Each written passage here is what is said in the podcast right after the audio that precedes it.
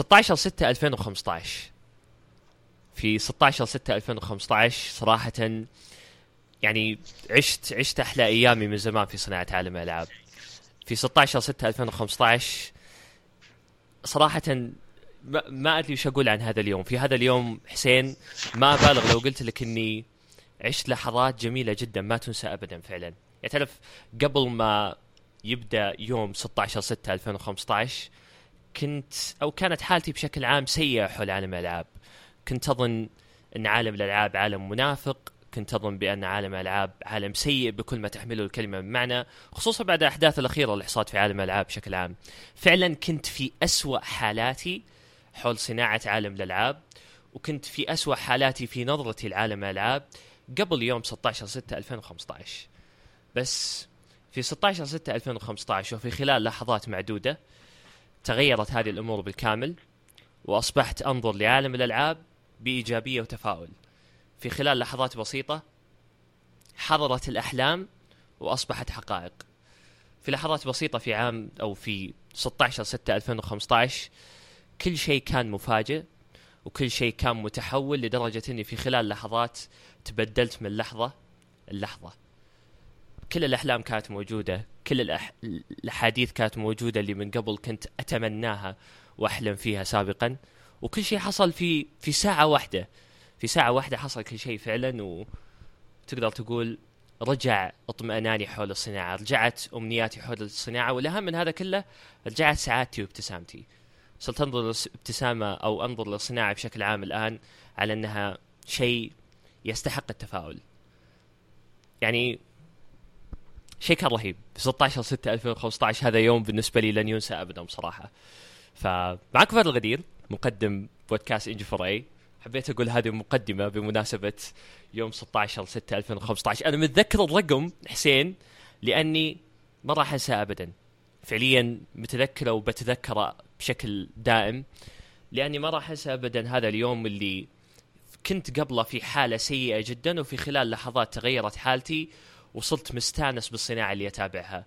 صار الترفيه اللي أتابعه يستحق فعلا هذه المتابعة. فمعي طبعا حسين الموسى من موقع ترو جيمنج حياك. حياك الله فهد.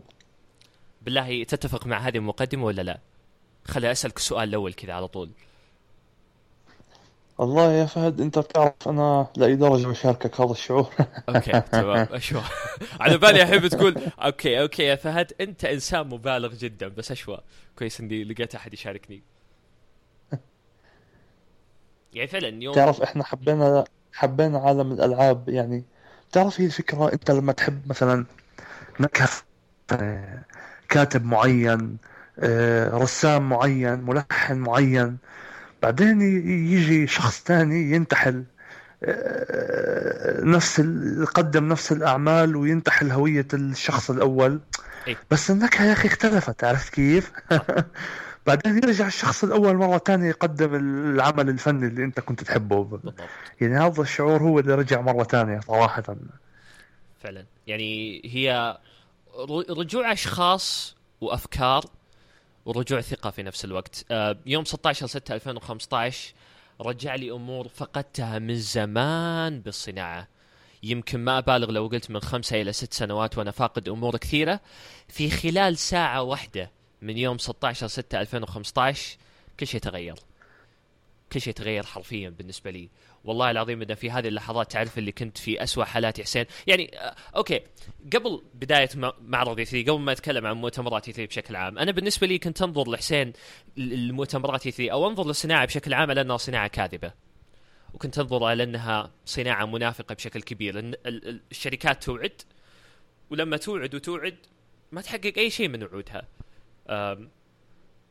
ما تدري هم فعلا يبغون يرضونك ولا يبغون يرضون المال ولا ولا هم حتى إذا سووا لعبة يبغون يسوونها كاملة أخطاء تقنية خروج مطورين أمور كثيرة فعلا حسين في الصناعة كانت سيئة بشكل كبير جدا وما خلتني أؤمن بأي شكل كان في معرض 3 لكن شوف هذا صراحة إيه؟ ولا مقاطعة بحديثك كل كل الصناعات الترفيهية اجمالا إيه؟ تتشارك آه، تتشارك نقطة في طغيان العنصر المادي. انت تحدثت عن هاي النقطة طغيان عنصر الأرباح والمال.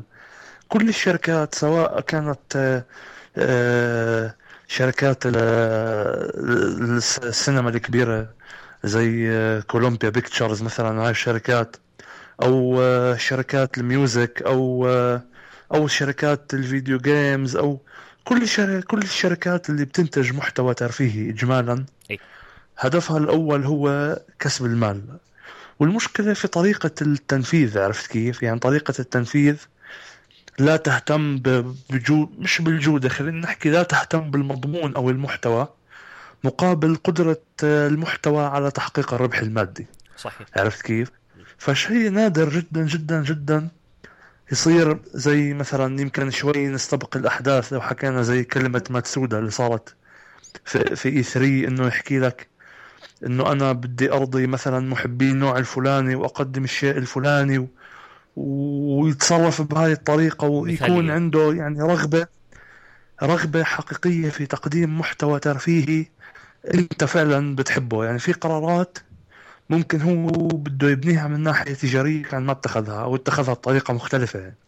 بس في نفس الوقت أنا صراحة عندي إيمان وقناعة تامة إنه الشركة آه، اللي عندها إيمان بالمنتج اللي بتسويه وبتعطي المطور اللي عندها الحرية والكرياتيفيتي إنه يعمل المادة اللي هو فعلا برغب يقدمها هاي الشركة بتقدم كونتنت أكثر تميزا والكل بقلدها صحيح صحيح. هذه هذه أنت تتكلم حسين هنا من ناحية فنية بحتة يعني ممكن هذا الطموح بعض صناع الألعاب إنهم يقولون والله أنا أبغى الناس يقلدوني أنا أبغى أصنع حاجة مميزة. بس المشكلة حسين بأن طريقة التفكير تغيرت. الآن والله يا شيخ يقلدوني ولا ما يقلدوني ما علي منهم. بالنهاية أنا أبغى أحصل فلوسي فقط لا غير. وهذه النظرة اللي تتكلم عنها تحديدا السلبيه لا لا تعرف أنا قصدي إنه يعني لما يجيك مثلا مطور آه هو ما بيكون هدفه إنه يعمل game الناس تقلدوا فيها بس هو هدفه مش يعني هلأ بتعرف في أي صناعة ترفيهيه في الدنيا لما يجي منتج مثلا يحصل على green light إنه المنتج يدخل عملية إنتاج لازم يكون موافق لنموذج ناجح في السوق وإلا لن يتم ترخيصه إيه؟ عرفت كيف؟ فقليلة جدا الشركات اللي بتعطي مثلا المطور أو الفنان أو ايا كان الحرية إنه يعمل إشي هو حاب يعمله حتى لو ما كان يتبع نموذج معروف في السوق عرفت كيف؟ إيه؟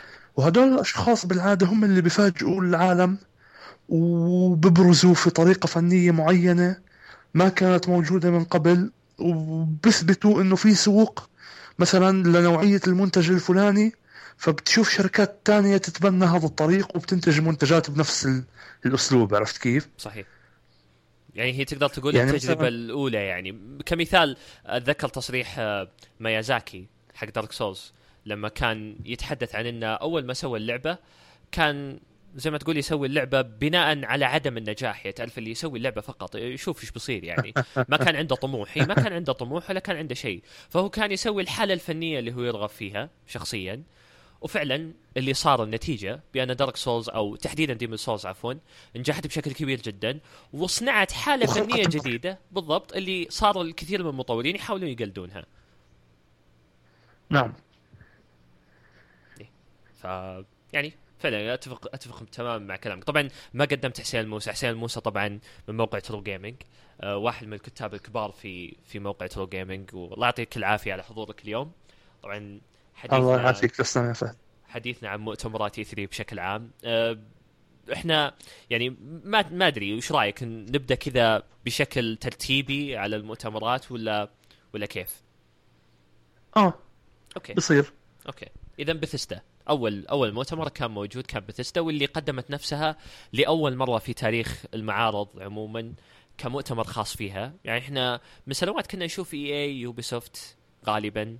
يعني هم اللي يقدمون ننت... آه، طبعا Nintendo شركة طرف أول أتكلم شركات الطرف الثالث آه، بثسدا هالمرة حضرت بجانب Square Enix آه، وبثسدا حضرت بسبب Fallout بعض العناوين الجديدة اللي قدمتها مثل Doom و...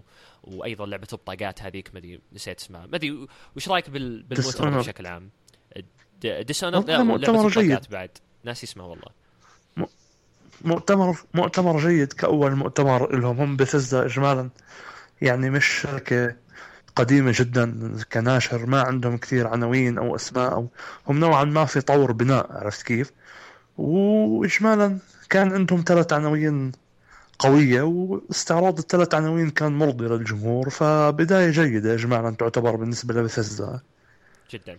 يعني طريقة طريقة التقديم هي اللي كانت بصراحة رهيبة جدا بأنك أنت تعرض الميكانيكيات وهذا اللي أتمناه من Ubisoft تحديدا أو EA أو الشركات عموما بأنها تعرض ال gameplay على أنه هو الشيء الجاذب للناس. مو هو بأنت تعرض ال CG على أنك تجذب الناس للعبة. لأن في هنا نوعا من الفراغ يصير. لما أنت تعرض ال CG كشيء جاذب للناس اللعبة خصوصا لما يكون موعد إصدار قريب بشكل كبير جدا فتيجي تعرض CG ما في فائده أنت هنا سببت فراغ ما بين اللاعب وما بين اللعبة نفسها. طبعا أتكلم هنا من ناحية مثالية ولا من ناحية تجارية Ubisoft ناجحة بشكل كبير جدا. يعني هي سواء سوت CG ولا ما سوت في النهاية الأمر بينجح معها ناجح ناجح. يعني كتقديمها رهيب جدا. فهد Bethesda Bethesda عندهم يعني حركة صراحة تستحق الاحترام. كانت في طريقة تعاملهم مع كشف Fallout. Fallout 4 من البداية كان الكشف real time و gameplay صح. قبل المعرض والنقطة اللي كانت صراحة يعني مميزة إنه الكشف ما كان فيه أي نوع من التجميل السينمائي لل trailer. سواء لا يعني لا كان في خداع في ال graphics ولا كان في خداع في نوعية التجربة اللي أنت بتحصل يعني أنت شفت ال game زي ما راح تحصل عليها في النهاية. هذا النوع من الصراحة إجمالا أو الشفافية في التعامل مع المستهلك للأمانة قليل جدا. لأن الشركات أغلبها بتهتم إنها تبهرك في المنتج وفي عرضه الأول وتصوره بأفضل طريقة ممكنة المهم إنك تشتريه مش مهم من خدعت من خدعتش المهم إنك دفعت فلوسك واشتريته في الأخير يعني. عرفت كيف؟ صح. فهم عندهم صراحة شفافية كانت يعني تستحق الاحترام في تعاملهم مع كشف Fallout four يعني وحتى يعني زي ما تقول طريقة يعني تعرف ردة فعل الجمهور بشكل عام حسين يعني كانت حتى ردة فعل الجمهور نوعا ما اللي كانت فيها شوية سلبية نوعا ما خصوصا سالفة الجرافيكس وهذه الأمور. بس أنك تصدم الجمهور قبل ما تصدر اللعبة أفضل من أنك أنت تصدر الجمهور بعد ما تصدر اللعبة خصوصا لما يكونوا هم دافعين فلوس. آه صحيح. إيه. ف أنا يعني... صراحة أعتب عليهم بال يعني أعتب عليهم بنقطة انه هم ما حسنوا نقاط ضعفهم اللي كانت موجودة الجيل الماضي. يعني توقعت أكثر من هاي الناحية للأمانة يعني. بس هل تتوقع حسين إن بالقدرات اللي موجودة ال Fallout 4 كلعبة عالم مفتوح وكلعبة تدعم تقدر تقول التصميم بالنسبة للاعب وتدعم الحرية الكبيرة في وضع الأشياء اللي أنت تبغاها في اللعبة هل تتوقع إن اللعبة تقدر توصل أكبر من كذا في أجهزة الجيل الحالي؟ من ناحية ال gameplay لا ما أتكلم gameplay أتكلم graphics ا أو مظهرا يعني بشكل عام والله يا فهد المفروض تحقق نقلة شاسعة عن اللي شفناه للأمانة. يعني. يعني هي اللعبة حسب شوف في معلومات مسربة كانت طالعة من أول والمعلومات كانت صحيحة. كلها أثبتت في ال...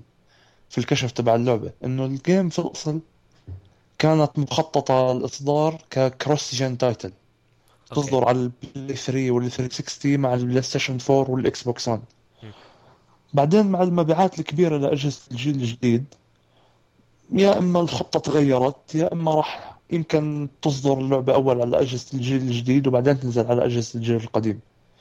بس اجمالا يعني هاي النقطة انعكست على على اللعبة تكنولوجيا. مبين إنها نوعا ما لعبة مصنوعة مع في restrict على ال game عرفت كيف؟ بتحس بهاي النقطة. يعني الأجهزة الجديدة فهد عندها عندها عندها قدرة يعني أتوقع أضعاف اللي شفناه إجمالا لحد الآن. إحنا لسه في بداية الجيل صراحة. مع الوقت راح تتحسن ال tools والمحركات وال... وراح نشوف فروقات كبيرة عن الأشياء نشوفها حاليا. صحيح. وهذه واحدة من الأمور اللي تجعل دائما تجعل دائما Skyrim أو The Elder Scrolls بشكل عام أكثر تقدما شوية مظهريه من Fallout لأن دائما Fallout تكون موجودة في بداية الجيل و The Elder Scrolls تكون شوي متأخرة. و Elder Scrolls تقدر تقول بأنها تستفيد من القدرات الجهاز بشكل أكبر بما أنها already متأخرة يعني. يعني هم في الجيل الماضي بدأوا مع Elder Scrolls على فكرة. بالضبط Elder Scrolls Oblivion. إي بالضبط إي. ثم Fallout ثم جت في الأخير Skyrim اللي كانت أفضل المظاهر اللي موجودة ما بين الثلاث ألعاب عموما. فهي تعتمد بشكل كبير صحيح فعلا كانت يعني. ممتازة. كانت ممتازة إي. تعتمد بشكل كبير على تقدر تقول توقيت اللعبة بشكل عام. بس آه، هي Fallout.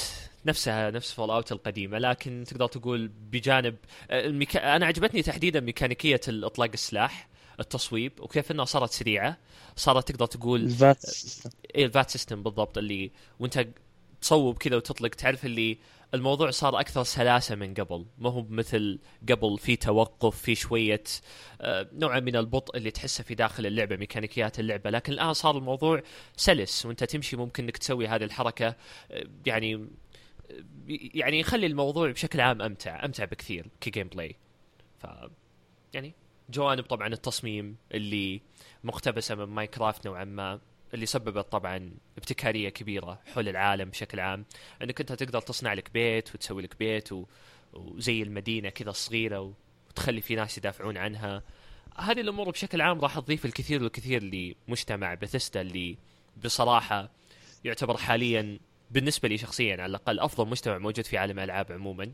يعني مجتمع تدعمه ويدعمك في نفس الوقت وهذا نادرا بشكل كبير جدا في عالم الالعاب إن في مجتمع يدعم لعبته بشكل يعني عاشق لهذه الدرجة إنه يتعب على لعبته كأنه يتعب بفلوس وهو فعليا ما هو قاعد يحصل أي فلوس. شيء رهيب شيء رهيب. Fallout four كان مظهر رهيب جدا. كان عندهم إعلان ممتاز عن ال mods. إن ال Xbox 1 تقصد.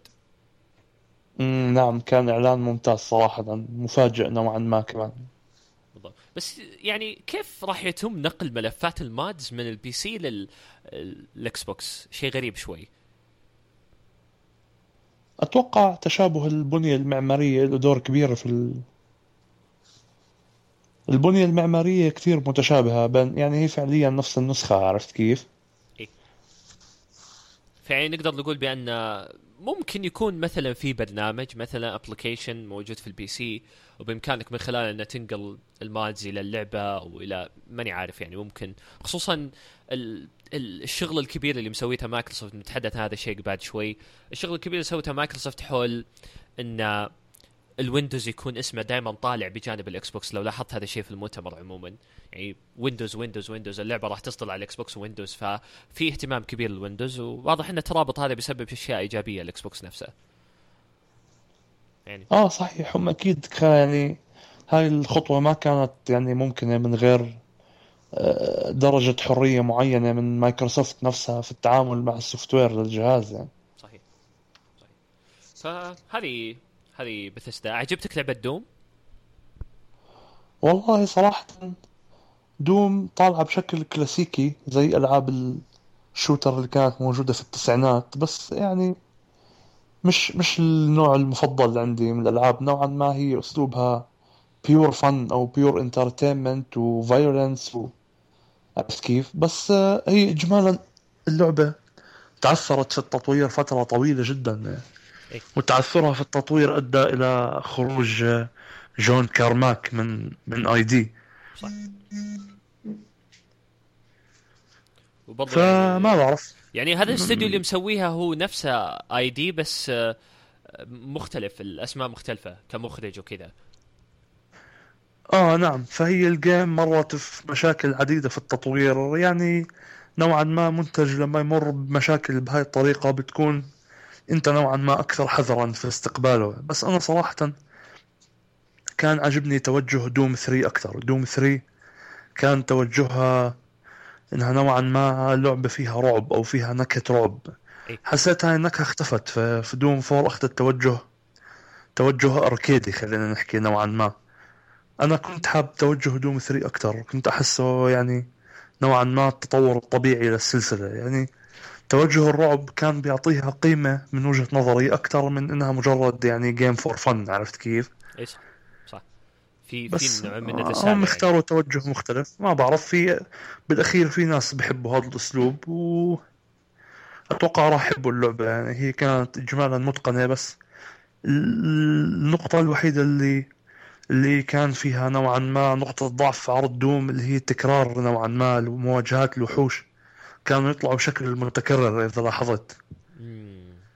يطلعوا بشكل متكرر. والله هو كان فيه آه، ليفلين عرضوه. ال level الأول عجبني جدا level design فيه جدا. لكن العرض الثاني فعلا كان ممل نوعا ما. بصراحة حسيت بالملل وأنا قاعد اشاهد الوحش ورا وحش ورا وحش ورا وحش ورا وحش. عرفت كيف؟ طبعا طبعا العرض الثاني اللي اتكلم اللي أتكلم عنه تحديدا هو اللي كان في داخل الجحيم أتوقع أو شيء. امم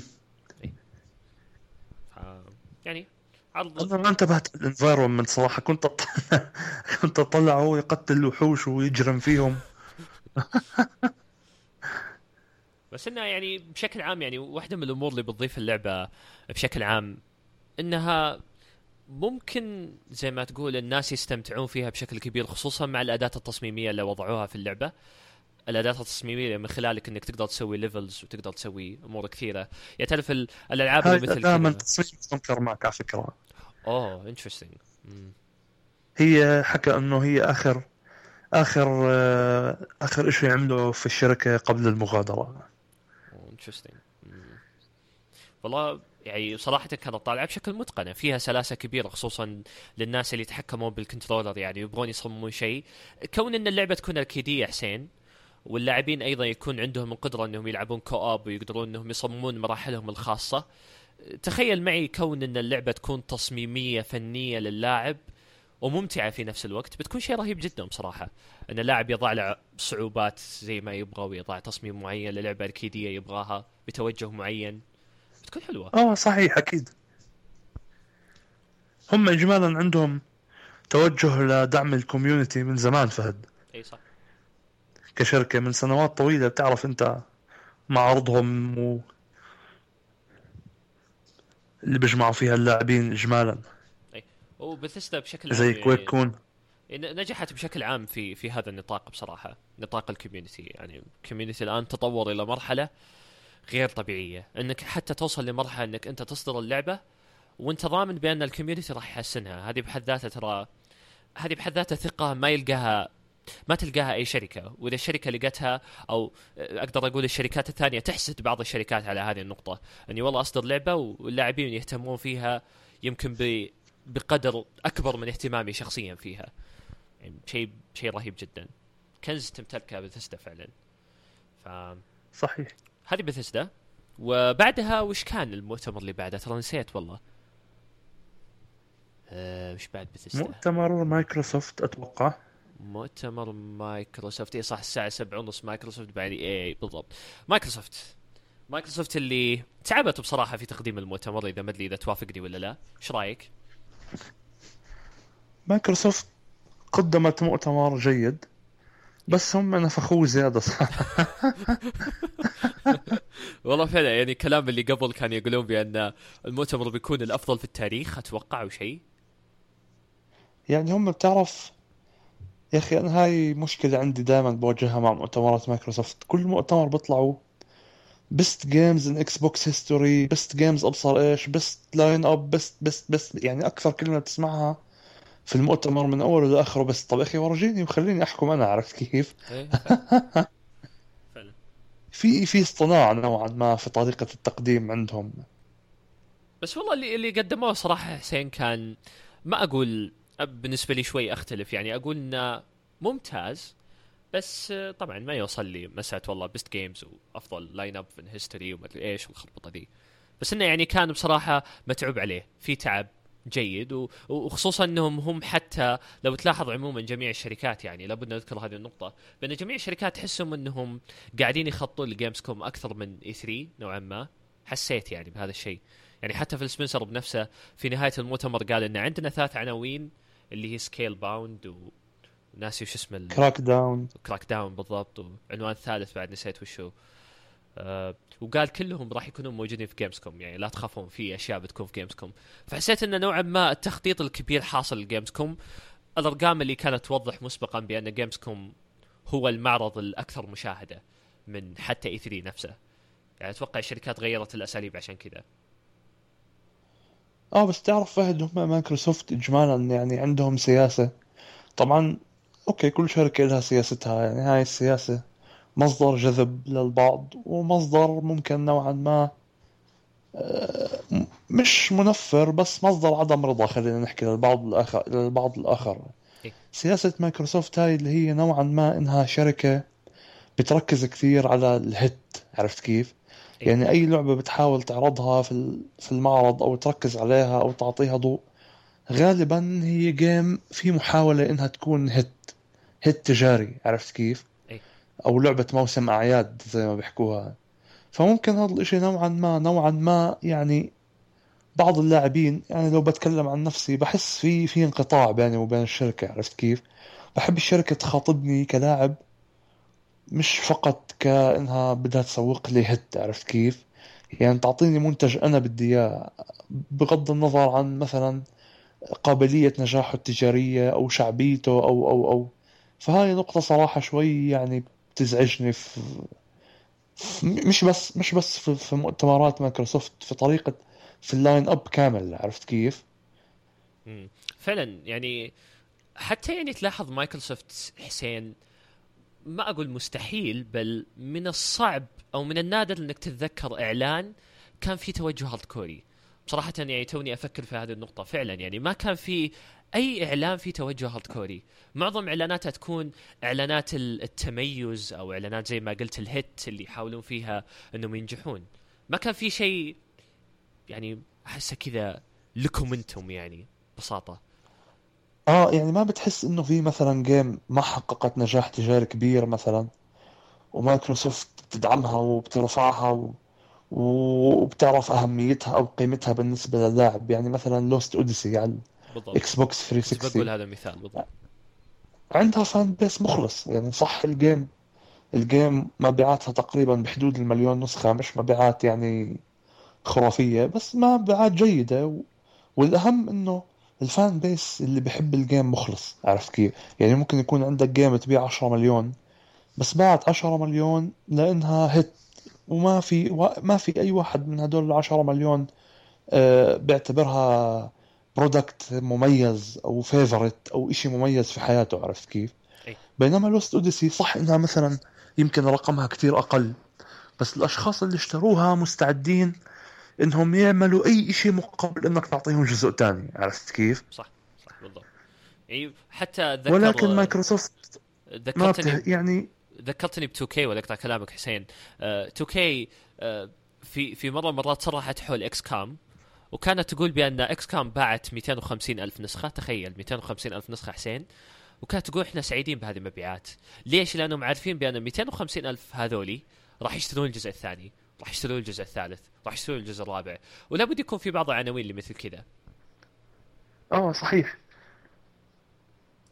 النقطة الوحيدة اللي بتعوض هاي. هاي الألعاب في في مؤتمر مايكروسوفت مؤخرا هي ألعاب ال indie ال independent developers. هم اللي صاروا يعوضوا نوعا ما يعطوا مؤتمرات مايكروسوفت قيمة جمالية في بعض العناوين ما كانت موجودة في السابق. ويعني وخصوصا حتى لاحظتهم آه، تسويقيين بزيادة ل Tomb Raider. آه، يعني اللي اللي بصراحة ما أدري إذا كانوا هم يعتقدون بأن Tomb Raider بتكون شيء رهيب. لاني بصراحة من وجهة نظري أشوف إنه ما هي بذيك اللعبة اللي أنت تقدر تعتمد عليها. والله أنا بشوف إنه Tomb Raider كانت ضربة تجارية قوية منهم على فكرة. Tomb Raider كثير محبوبة فهد خصوصا في أوروبا. إلها شعبية يعني طاغية صراحة راح راح تكون آه، ضربة قوية في موسم الأعياد والله أعلم. يعني Tomb Raider و Halo 5 line up جبار صراحة لموسم الأعياد. فعلا هو من ناحية موسم الأعياد هالسنة سو... سوني قصدي مايكروسوفت آه، عاملة بشكل كبير جدا. هذا هذا الشيء الواضح. بس إنه شوف مايكروسوفت عندها كان كان حركة ذكية صراحة ب- يعني لازم نسلط عليها الضوء نوعا ما في في المؤتمر. يعني هي حركة بتوريك لما يكون في شركتين بحجم عملاق زي سوني ومايكروسوفت لأي درجة ممكن المنافسة تدفعهم عرفت كيف؟ صح. شغلة تستحق يعني إنه الواحد يتأمل فيها ويتعلم منها. اللي هي نقطة ال backward compatibility يمكن أول مرة في حياتي بشوف جهاز يعني بيبدأ مشواره من غير backward compatibility وبعدين تعلن له بهاي الطريقة المفاجئة لكل العناوين كانت حركة كثير ذكية مايكروسوفت شافت إنه عدد كبير من مستهلكين ال 360 اشتروا PlayStation 4 فهي كشركة ما بدها تخسر زبونها عرفت كيف؟ هي كشركة بتعتبر إنه هذا الزبون آه، مش بس مشتري ألعاب كمان عنده اشتراك Live كل سنة بدفع 50 دولار عرفت كيف؟ فما بدها تخسر هذا المستهلك أو أو الزبون. يعني لأنه هو بالنسبة للشركه زبون عرفت كيف؟ فأحسن حل حكت لك إنه هذا الشخص قاعد بنتقل لل PlayStation 4 لأنه أنا مش رابطه. يعني ما بقدر أشغل ألعابه على الجهاز الجديد فما بتفرق. فبصير يختار بين الجهازين بناء على أساس من الصفر عرفت كيف؟ إنه مين مثلا مين راح يناسبني أكثر مين ألعابه بتناسبني أكثر سعره مواصفاته إلى آخره. بس مع نقطة ال backward compatibility راح يضطر هذا الشخص يراجع نفسه عشر مرات قبل ما يشتري جهاز تاني. لأنه بحكي لك هيك ممكن okay أخذ Xbox One وأستمر أشغل مكتبة ألعابي بدل ما أخسرها بالكامل. فهاي كانت نقطة كثير ذكية صراحة من مايكروسوفت نقطة ال backward compatibility صحيح. وأنا مش عارف إيش ال team اللي عندهم اللي قدر يعملها والطريقة اللي قدروا يعملوها. بس هم اختصاصهم ال software اجمالا مايكروسوفت يعني من ملوك السوفت وير صحيح. حتى لو لو تذكر ما أدري إذا قرأت تصريح سوني ولا لا كانت تقول بأن ما إحنا قادرين نلقى من ضمن الكلام اللي كان يقوله بانه يقول إن قليل من ال يعني زي ما تقول المهندسين اللي قادرين إنهم يفعلون هذا الشيء. ومايكروسوفت فعلا زي ما قلت تمتلك هذا هذه الخصوصية. آه صحيح. هاي كانت نقطة ونقطة ثانية كمان برضو. كانت highlight في المؤتمر نوعا ما اللي هي ال controller الجديدة. ما تحسها ال controller ما تحسها ضد Steam أكثر من كونها ال controller نوعا ما حسيتها يعني محاولة لاستمالة ال الفئة يعني خلينا نحكي ال enthusiast اللي هم أكثر لاعبين يعني محترفين وبيلعبوا بدقة شديدة ومايكروسوفت كانت في الجيل الماضي كان عندها شبكة الأونلاين رقم واحد. هي حاليا خسرت نسبة من المستهلكين للأجهزة الثانية في الأونلاين. فهي بتحاول تعوض وتعطي نقاط تميز تخليها ترجع رائدة في هذا المجال أو عندها أكبر نسبة مستهلكين وأعلى تنافسية وأكثر احترافية.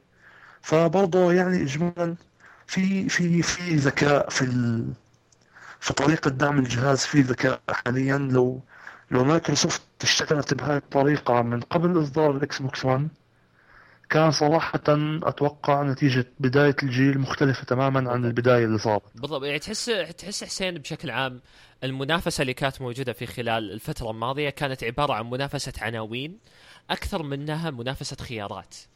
الآن شوي مايكروسوفت نوعا ما انتقلت إلى أنها تنافس بخيارات تعطيها للاعب. وهذا الشيء اللي أقدر زي ما قلت أنت حسين إنها تميز. لأنك أنت هنا تطلع عن منافسة عناوين. already أنت العناوين عندك جيدة يعني وخصوصا موسم الأعياد. أنت مقدم شيء حلو. الآن علشان أجذب الجمهور أقدم خيارات إضافية. وحلو إن إحنا نطلع نعم. من منافسة العناوين وندخل منافسة الخيارات خصوصا لما أتكلم عن نينتندو.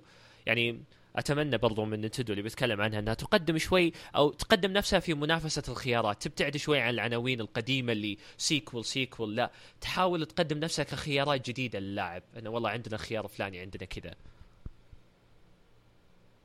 آه أخي نينتندو أنا عارف أنا عارف. خلي خلينا نتكلم عن نينتندو بعد شوي. خلينا نتكلم خلي عشان ناخذها بالترتيب.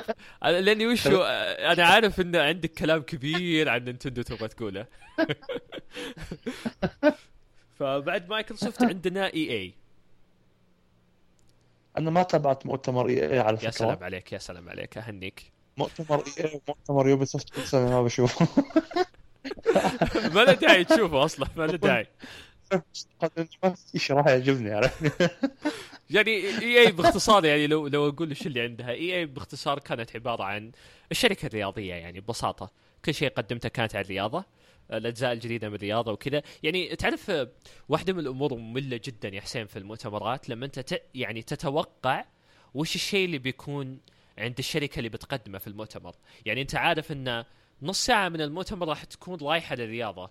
طبيعي جدا. ليه؟ لأن أي شركة رياضية الآن أكبر من كونها أي شيء آخر للأسف. ف يعني واحدة من أسوأ المسائل بأن الشركة تجي وهي أصلا ما لها داعي تجي. يعني تعرف اللي هي جاية وهي كل اللي لديها كل شيء متوقع أصلا. يعني أنت ما له داعي إنك تجي لأن كل شيء عندك متوقع. أنت المفروض تجي لأن عندك شيء متميز. أنت تبغى تفاجئ الناس. لكن EA يعني ما أبالغ لو قلت 70 أو 80% من الأشياء اللي بتقدمها هي أشياء متوقعة. وش فيفا جديدة كرة سله جديدة كرة قدم أمريكية جديدة. يعني هذا 70 أو 60% من العناوين اللي أنت بتقدمها هي عبارة عن هذه العناوين. فما له داعي أصلا مؤتمر. أنا ما أشوف إنه مؤتمر له داعي ببساطة. بس EA السنة على فكرة كان عندهم لعبة كتير حلوة. من أحلى ألعاب المعرض كانت. ما بعرف إذا شفتها ولا لا. اسمها Unravel Unravel بالضبط. اي بالضبط. فعلا كانت مثيره رائعة جدا جدا. صراحة أنا ما صدقت إنه هاي ال game من EA والله الع... والله فعلا. إن يوم شفتك أنا أنا وشلون؟ اللي قاعد أتخيله طبعا بالنسبة لي شخصيا إحنا تعايشنا مع هذا الموضوع من زمان. من يوم ما أشوف لعبة عليها اسم EA غلاف كذا عليه اسم EA أعرف إن اللعبة رخيصة بشكل عام. بس هذه اللعبة كيف أنا بشوف عليها يعني غلاف EA باستثناء طبعا ألعاب BioWare. يعني كيف ماني عارف يعني تعرف الشكل كذا بيكون غريب جدا يعني ماني ماني شلون. بس يعني EA حاليا على فكرة بما اننا تحدثنا عن EA؟ الشركة عندها potential تجاري كبير صراحة اجمالا أكثر من أول. عندها IP Star Wars وراح تعمل منه franchise جدا ضخم خصوصا بعد ما شافت نجاح باتمان. وطريقة التعامل طريقة التعامل القديمة كانت مع منتجات الأفلام أو الكوميكس أو كانت موجودة عند الشركات الغربية إجمالا إنك تسلم ال game لفريق صغير وبتكلفة جدا رخيصة وتبيعها لسوق محدود أو لسوق ال casuals بتكلفة قليلة عرفت كيف؟ وتطلع لك شوية أرباح. بس باتمان نجحت إنها تعمل سوق في الألعاب ال hardcore يه نفسها.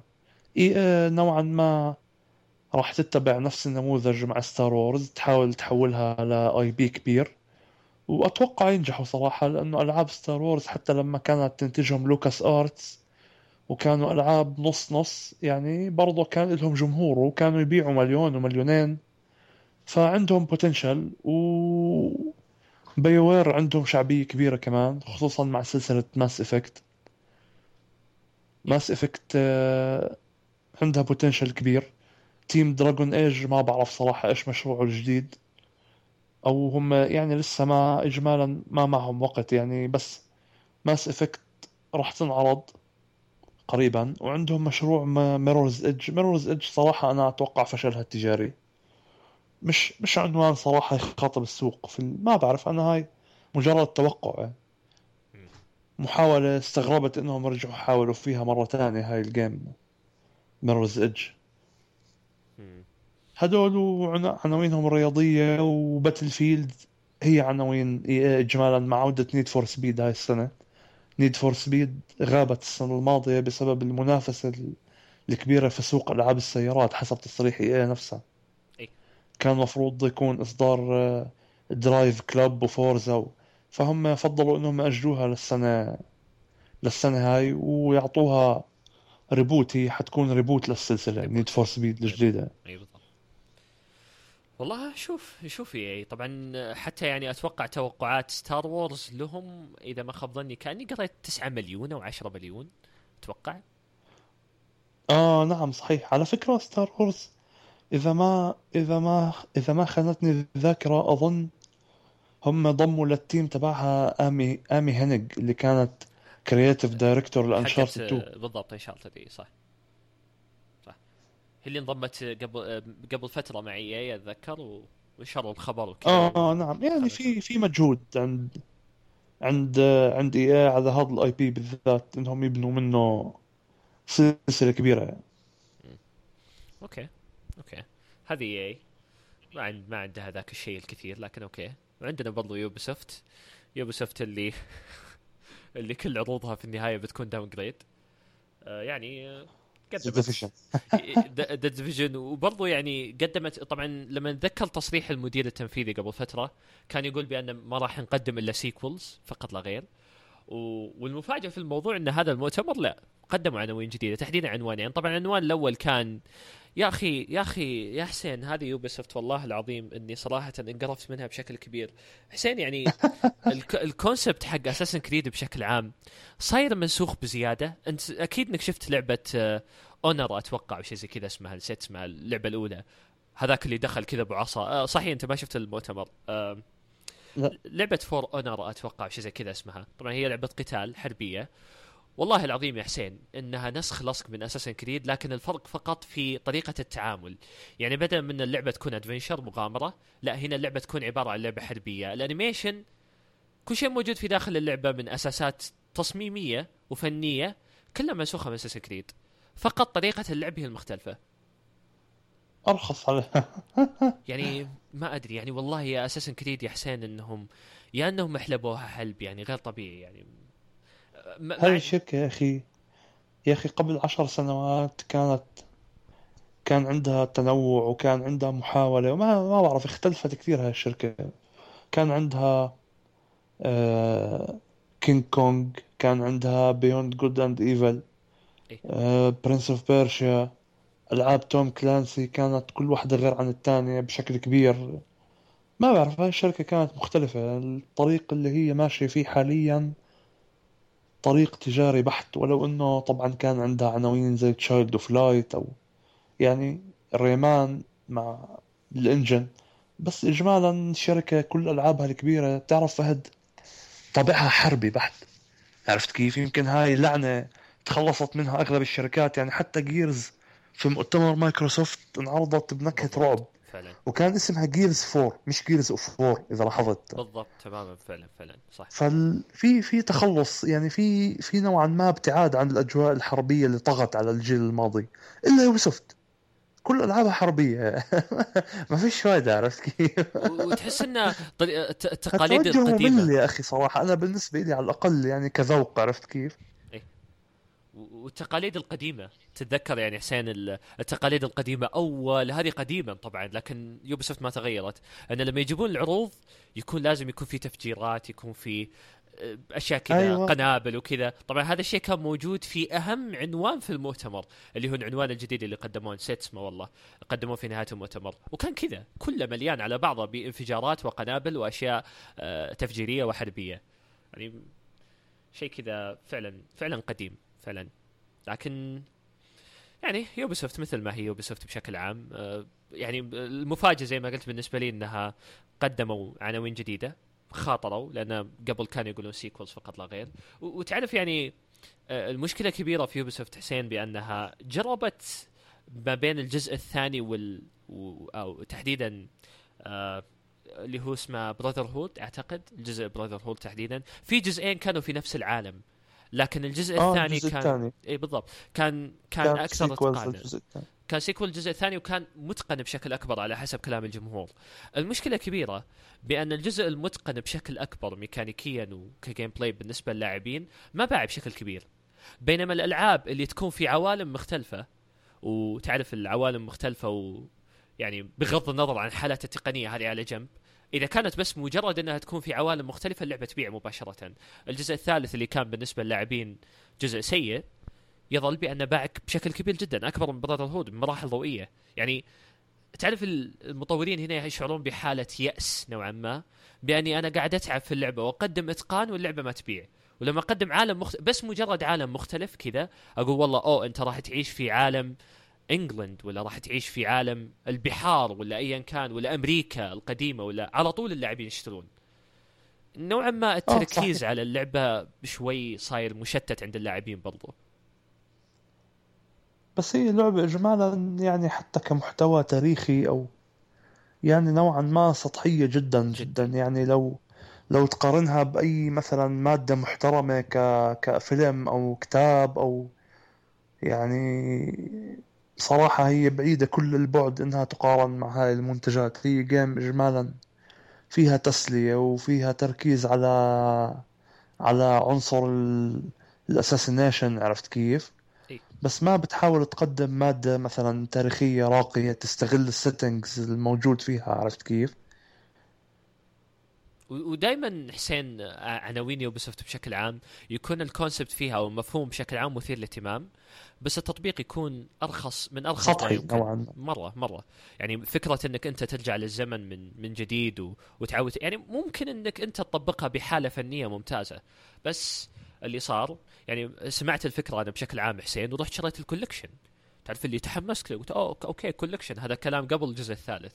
شريت collection كامل ولعبت الجزء الثاني. طبعا الجزء الأول يقال إنه سيء فما لعبته. لعبت الجزء سيء الثاني. جدا كارثة الجزء الأول على فكرة. مشروع لعبة مش مش لعبة كاملة. يا ساتر. okay كويس إني ما لعبته فلعبت الجزء الثاني ثاني اللي يعتبر. إي يعني يعتبر كثير من الناس إنه شيء غير طبيعي. ولعبته يعني حسين أنا ماني عارف إيش الشيء اللي عاجبهم صراحة في اللعبة. يعني شيء أنا بالنسبة لي أعتبره شيء سيء جدا. اللعبة الم- المشوشة تعرف اللي أنت ما أنت عارف وش تستمتع فيه بالضبط. لا قصة زي الناس ولا بصراحة مرة مرة. مثلك. هي لا، إجمالا السلسلة بحسها لف أور هيت للأمانة يعني. ما ادري أنا صراحة ما أشوف إن فيها شيء ينحب من وجهة نظري ماني عارف وش الشيء. يعني أنا ودي أسمع رأي واحد يحب اللعبة ويقول لي وش الشيء اللي يحبها فيها بالضبط؟ يعني هل القصة مثلا حلوة؟ أي أي قصة حلوة في الدنيا؟ ما, ما في شيء شفته حلو بصراحة. ولا شفت أي أحداث ولا ولا حتى سينمائية؟ ولا. لا والله وصلت بعيد يعني صراحة وصلت تقريبا حوالي هي 10 ساعات أو أو أكثر. دائما تعرف هي ال game أحد أسباب شهرتها أو شهرة ال story فيها اللي هو الثيم الديني اللي نوعا ما أنا حسيته في هذاك الوقت كان يمكن فيه استلهام من روايات دان براون. أها. زي آه، Da Vinci Code. و...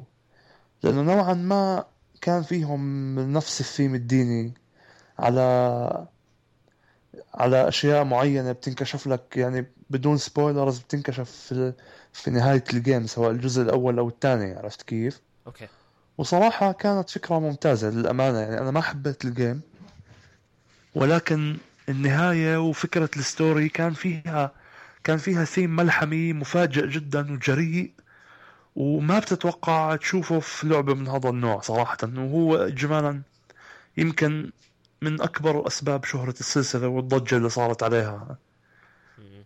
okay إذا بتحب شوف ال... شوف ال... ال story أو أو ال ending يعني حتى لو ما كملت ال game حاول تقرأ عنها راح راح تعجبك الفكرة تبعتها إجمالا فيها فيها جرأة في ال storytelling صراحة. الثيم الديني اللي فيها فيه جرأة كبيرة للأمانة. okay okay. وطبعا هذا الشيء مقدم في الجزء الثاني فقط يعني أنت ما تتكلم عن الأجزاء اللي, اللي بعدها. لا هي هي هاي الثيم الديني الموجود فيها هو القصة الحقيقية للسلسلة آه، عرفت كيف؟ okay مم. هو هو هدف ال... ال characters الموجودين هو سبب الصراع بين ال... بين ال Assassins وال Templars عرفت كيف؟ أها okay. okay. okay okay. هذه يوبيسوفت وهذه Assassin's Creed بشكل عام وهذه عناوينها. آه بعدها نجي لسوني مؤتمر سوني. المؤتمر رهيب جدا. بكل المقاييس بصراحة. يعني آه ما أدري من وين نبدأ بالضبط. أشياء كثيرة صراحة عرضت في سوني. أشياء كثيرة جدا. أنا صراحة تعرف آه، في نقطة بحب يعني أتحدث عنها في مؤتمر سوني في البداية قبل ما نتحدث عن الألعاب نفسها. يعني بس من مجرد باب لفت الانتباه عرفت كيف؟ صراحة يا أخي سوني شركة عندها ذكاء في ال- في ال marketing وذكاء غير طبيعي يعني مايكروسوفت كانت الشركة اللي عندها أقوى العناوين لموسم الأعياد إيه. وللإصدارات القريبة ولكن الشركة اللي كسبت E3 هي سوني عرفت كيف؟ تقدر تقول تأخذها يعني سوني- بطريق مختلف سوني بالضبط سوني فعليا ما عندها أي title بارز في موسم الأعياد يعني عرفت كيف؟ ولكن الشركة بكل ذكاء يعني ضربت وتر نوستالجيا عند الجماهير بطريقة معينة وكسبت معركة إي كسبت معركة E3 بطريقة كاسحة يعني عرفت كيف؟ لدرجة أنا أتوقع إنه يعني الثورة العارمة اللي صارت ضد مؤتمر نينتندو إجمالا كان سبب كبير منها ال- اللي سوته سوني في مؤتمر. يعني غيرت المقاييس كلها وتعرف آه، أتفق تماما معك حسين إنك أنت رفعوا التوقعات بشكل غير طبيعي. مرة مرة مرة. يعني لمست التمست نقطة الضعف اللي موجودة عند اللاعبين. يعني تعرف اللي قالت okay إحنا موسم الأعياد رايحين فيها طحنا فيها خلاص انتهى الموضوع الآن طيب شو نسوي؟ فحبوا إنهم يلتمسون تقدر تقول الجانب جانب الضعف اللي موجود عند اللاعبين. وهو تحقيق الأحلام عموما. يعني تعرف اللاعبين عندهم أحلام وسوني هي الوحيدة اللي تقدر تحققها خصوصا علاقة مارك سيرني ب يو سوزوكي علاقته الكبيرة جدا فيه رجل بينهم علاقة كبيرة جدا. كذلك آه علاقتهم مع Square Enix في اليابان طبعا يعني حبوا إنهم يلتمسون هذه النقطة ونجحوا في ذلك بشكل كبير جدا. نعم صحيح. هم يعني كان كانوا أذكياء جدا صراحة. هم سوني اجمالا آه في بداية الجيل كسبوا معركة ال mainstream صار جهازهم الأكثر مبيعا في السوق الجهاز الرئيسي لل multi-platform الجهاز الرئيسي ل Call of Duty ل ل Assassin's Creed ل... كل ألعاب الطرف الثالث اجمالا صارت تبيع على البلاي ستيشن 4 أكثر من ال Xbox 1 فهم استغلوا هاي النقطة عرفت كيف؟ وتصرفوا بذكاء شديد صراحة يحسب لهم. حكوا لك إحنا ما بنحتاج خلص نسوق نضل نسوق ل Call of Duty و Assassin's Creed وال hits هاي المعروفة إحنا راح نستغل حاليا وجود E3 اللي هو معرض بيحضره ال hardcore gamers علشان نكسب ولاء الناس ولاء الجمهور ولاء الانثوسياست اللي هم أشد الناس يعني ولاء واخلاصا أكثر نوع مخلص موجود من الجمهور في الجيمنج عرفت كيف؟ هذا المؤتمر كان مخصص كليا لكسب ولاء الجمهور صراحة هاي كانت نظرتي له اجمالا يعني وفعلا بالنسبة لي شخصيا حسين هي كسبت ولائي من الآن. انتهى الموضوع. يعني. والله يعني أقدر أقول لك إياها بكل بساطة. يعني ردة الفعل اللي كانت موجودة عندي يعني سوني سوني حسين يعني مو بهذه البساطة. يعني ممكن إحنا ننظر لها من جانب الشركة نفسها إنه والله هي بغت تحقق الولاء. بس سوني ترى اعادت بالنسبة لي إحياء الألعاب مرة ثانية. يعني كون إني أنظر للألعاب بطريقة مختلفة في يوم وليلة هذه بحد ذاتها شيء يحسب لسوني بشكل كبير جدا. يعني تعرف الخطوة اللي سوتها مو لاجل مصلحتها فقط بل لأجل مصلحة اللاعبين. يعني برضو ترى سوت شيء كبير لمصلحة اللاعبين. إنه والله وهو قالها حتى هذاك اللي طلع اللي يلعب Destiny دائما ودائما كل ما أتكلم عن Destiny يكون كذا مستانس لابس نظارات. لو تذكره. آه، أعتقد اسمه جون بوي أعتقد أو شيء زي كذا نسيت اسمه. أو آدم آدم بوي آدم بوي بالضبط. أعتقد بويز. أو آدم بويز بالضبط. فكان يتكلم عن هذا الشيء بعد المؤتمر كان يقول بأن إحنا حضرنا المؤتمر E3 و... وكنا مقدمين Shenmue لأن عارفين أن Shenmue بالنسبة للاعبين مثل الدين مثل الشيء اللي يؤمنون فيه. فإحنا حبينا أن نقدم هذا الشيء. والله فعلا. ف يعني بصراحة شوف. يعني شوف حركة Shenmue 3 بالذات على قد ما هي رائعة على قد ما هي يا أخي غريبة. يعني بتعرف طريقة طريقة الإعلان عن Kickstarter في, نفس الوقت. طريقة غريبة جدا. يعني بتعرف إجا يو سوزوكي وبحكي للناس يعني the fate of Shenmue 3 is in your hands يعني خلص في ثواني الملايين. تفجرت. يعني لو, لو تتذكر لو تتذكر حسين يعني في الليل في الليل تحديدا قبل مؤتمر آه، سوني كنا نقول راحت سوني فيها. انتهى الموضوع. لكن لا لا أنا ما حكيت هذا الكلام صراحة. يعني كنت كنت مثلا متأكد إنه كشف remake Final Fantasy راح يكون موجود بسبب الخبر اللي كان موجود على موقع Siliconera مثلك. موقع Siliconera انت بتعرفه فهد أكيد. موقع موثوق 100% يعني عمره ما حط خبر من مصادره الخاصة وكان خطأ. وكان في تسريب من صحيفة The Guardian عن وجود The Last Guardian في في المؤتمر. فأنا صراحة كنت أحكي لنفسي يعني الألعاب هاي إذا بتنعرض ولا حدا راح يشوف مؤتمر مايكروسوفت بعدين. مش بس تعرف مش نقطة أفضل أو مش أفضل أو مين لا هي نقطة إنه هاي العناوين في رابط نوستالجيا وذكريات وترقب غير طبيعي بينها وبين اللاعب عرفت كيف؟ فوجودها بكل الأحوال يعني صعب صعب منافسته أو مقاومته بأي شكل يعني. Final Fantasy 7 Remake حلم حلم للاعبين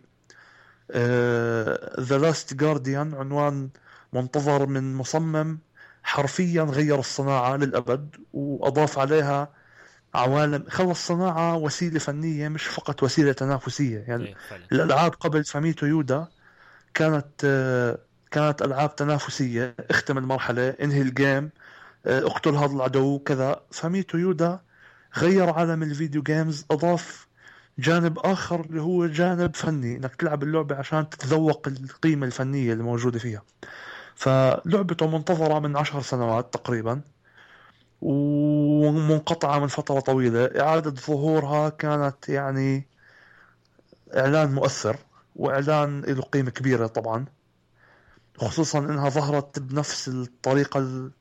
بنفس الأساسيات اللي وعدت فيها من البداية بدون أي downgrade و Final Fantasy 7 Remake غني عن التعريف. أكيد. طبعا Shenmue 3 كانت المفاجأة الكبرى؟ للأمانة والأكثر استحالة بين الثلاث عناوين. يعني لو سألتني إيش هو العنوان اللي فعلا مستحيل يرجع كان حكيت Shenmue.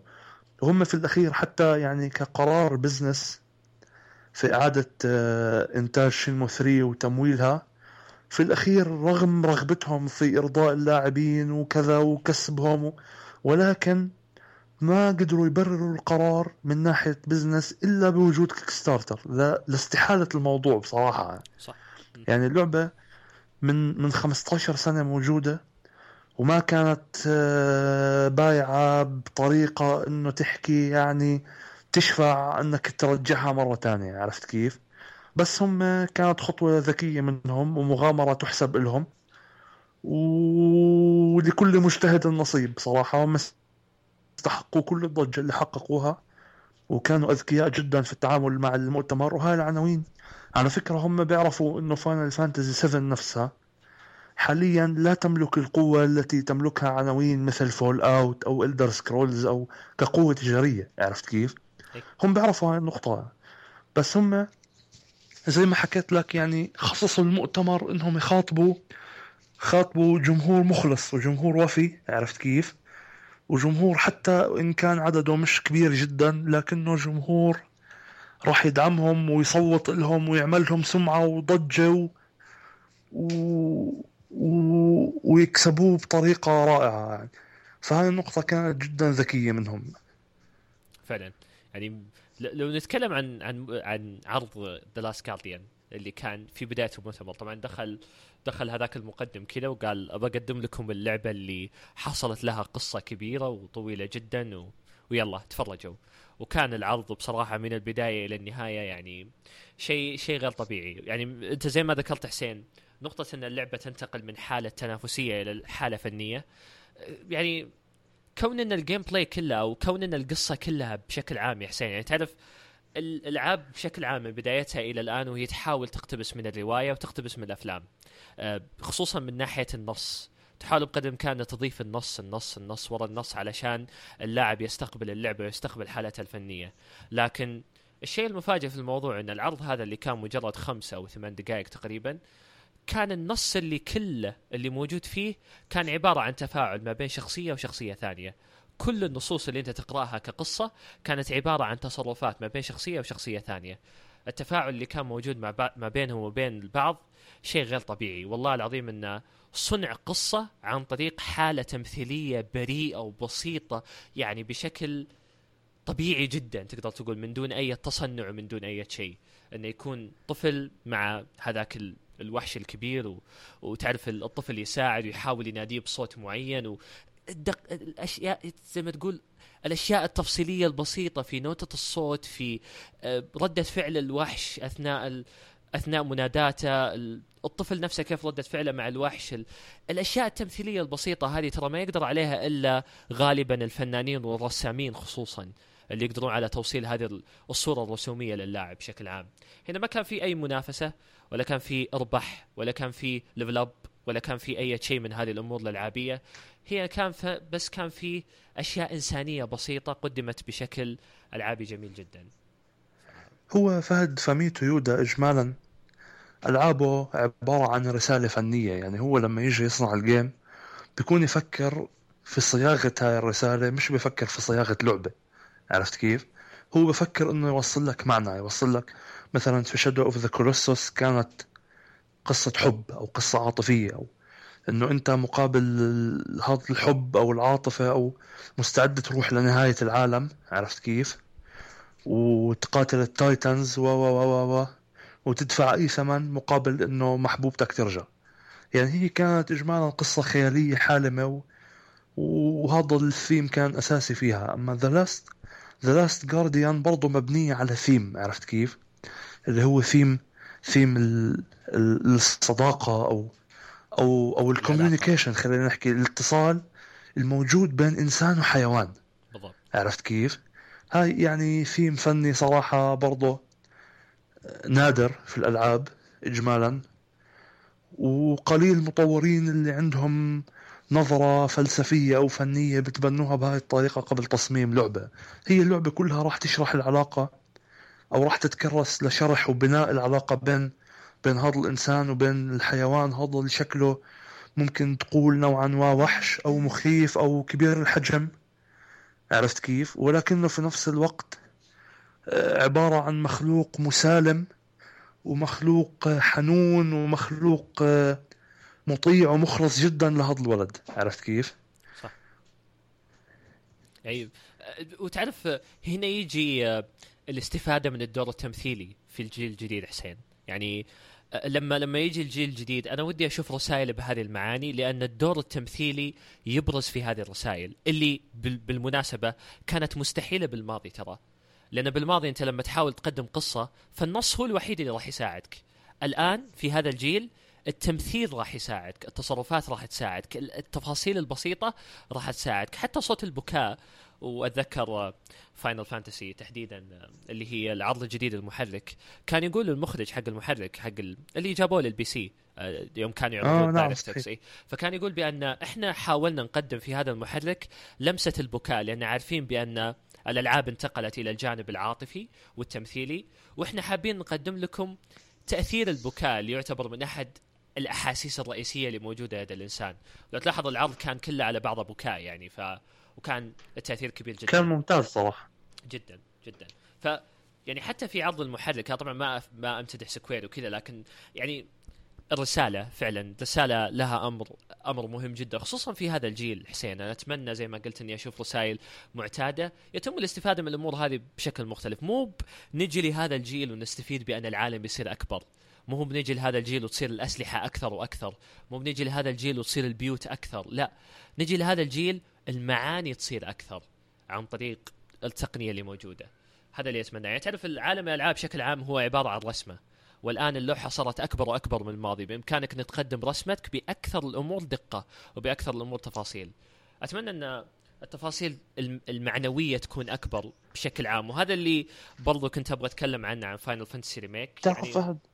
تعرف فهد بلا مقاطعة بحديثك على هاي النقطة؟ ذكرتني في game فاتني أحكي عنها في مؤتمر مايكروسوفت ألعاب ال indie اسمها Beyond Eyes إيه. عرفتها؟ اي بالضبط اللي جت ال... جت البنت هذيك اللي عرضتها بالضبط اللي زي اللي آه في. غابة كذا اي بالضبط ذكرتها هاي اللعبة فهد صراحة أبهرتني يمكن أكثر لعبة حبيتها في المعرض تعرف؟ أوه okay ال game ال game عبارة عن قصة بنت عمياء عرفت كيف؟ إيه. تلعب فيها علشان آه، بتدور هي على على القطة تبعتها عرفت كيف؟ إيه.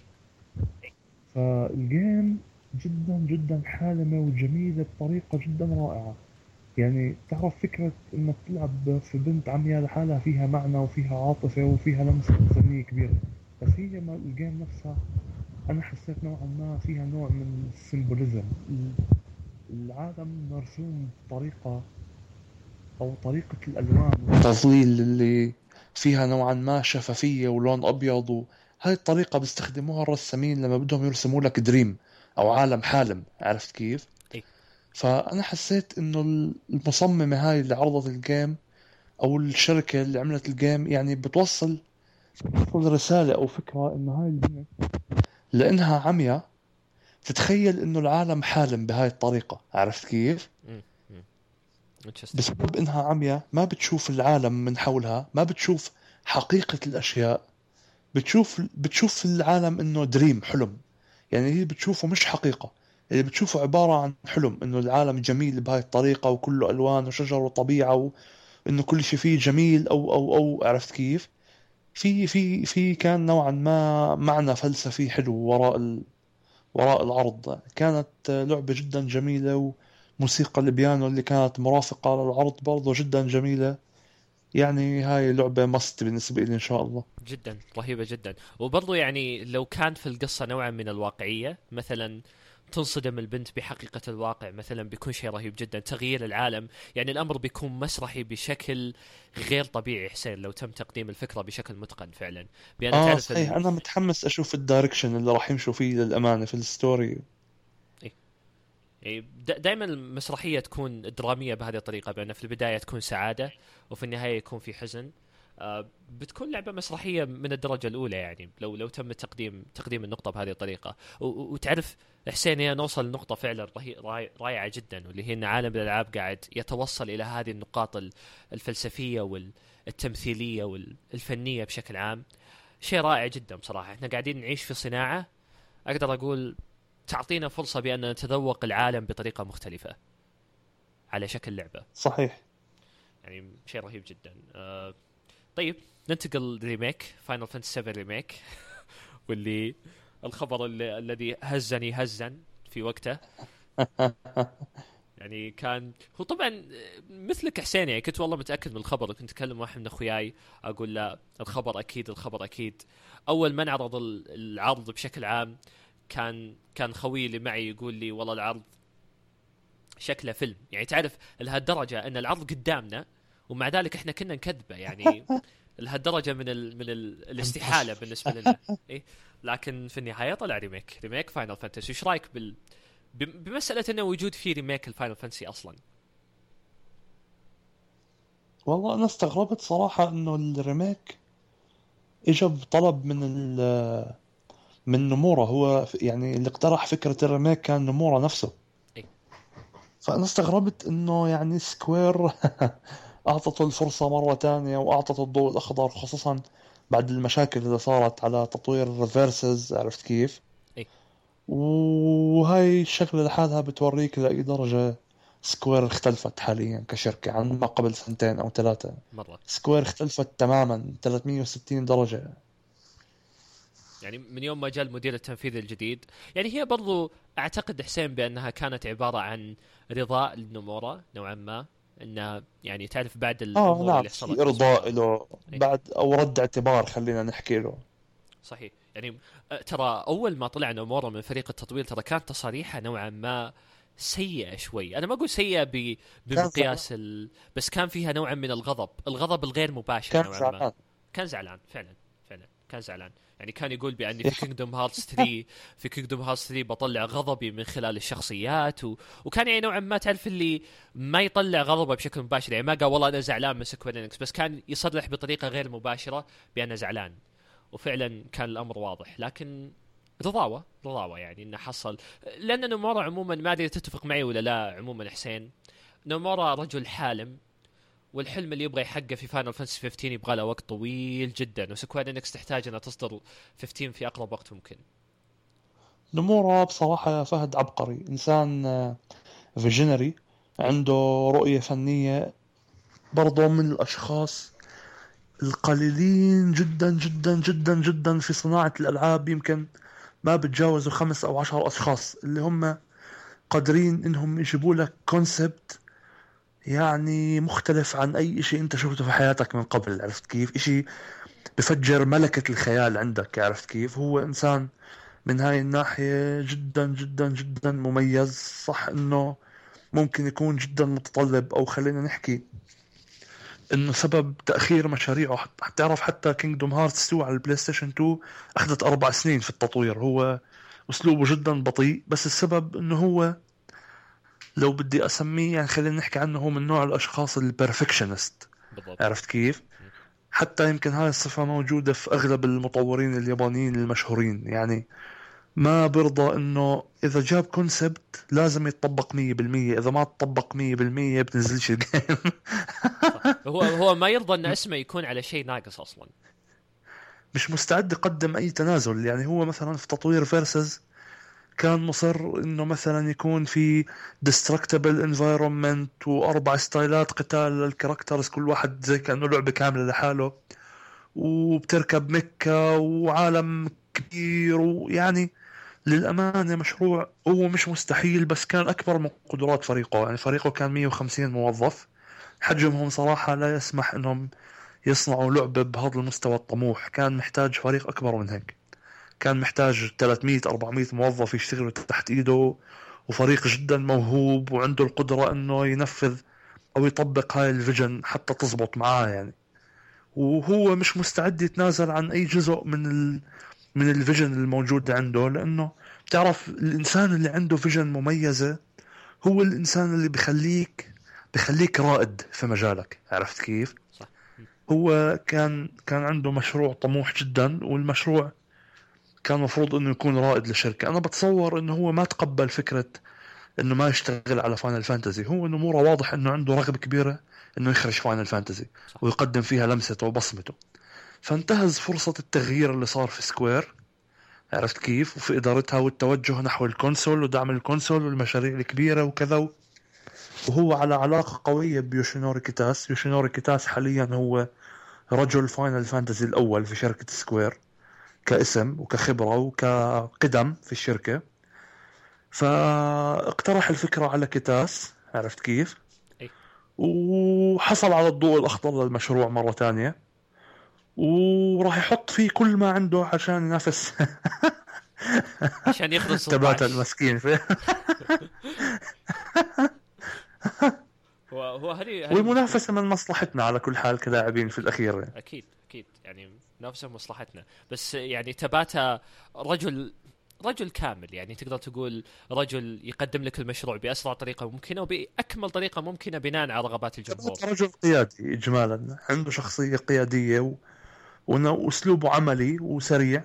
صح هو يمكن ما عنده فيجن نمورة ما عنده نفس الخيال الواسع الموجود. نمورة في هاي الناحية صراحة آه، هو رقم واحد في Square حاليا. ولكن تباتا هو كان رجل المرحلة المناسب واختيار مناسب لإنهاء تطوير اللعبة. والله يعينه صراحة.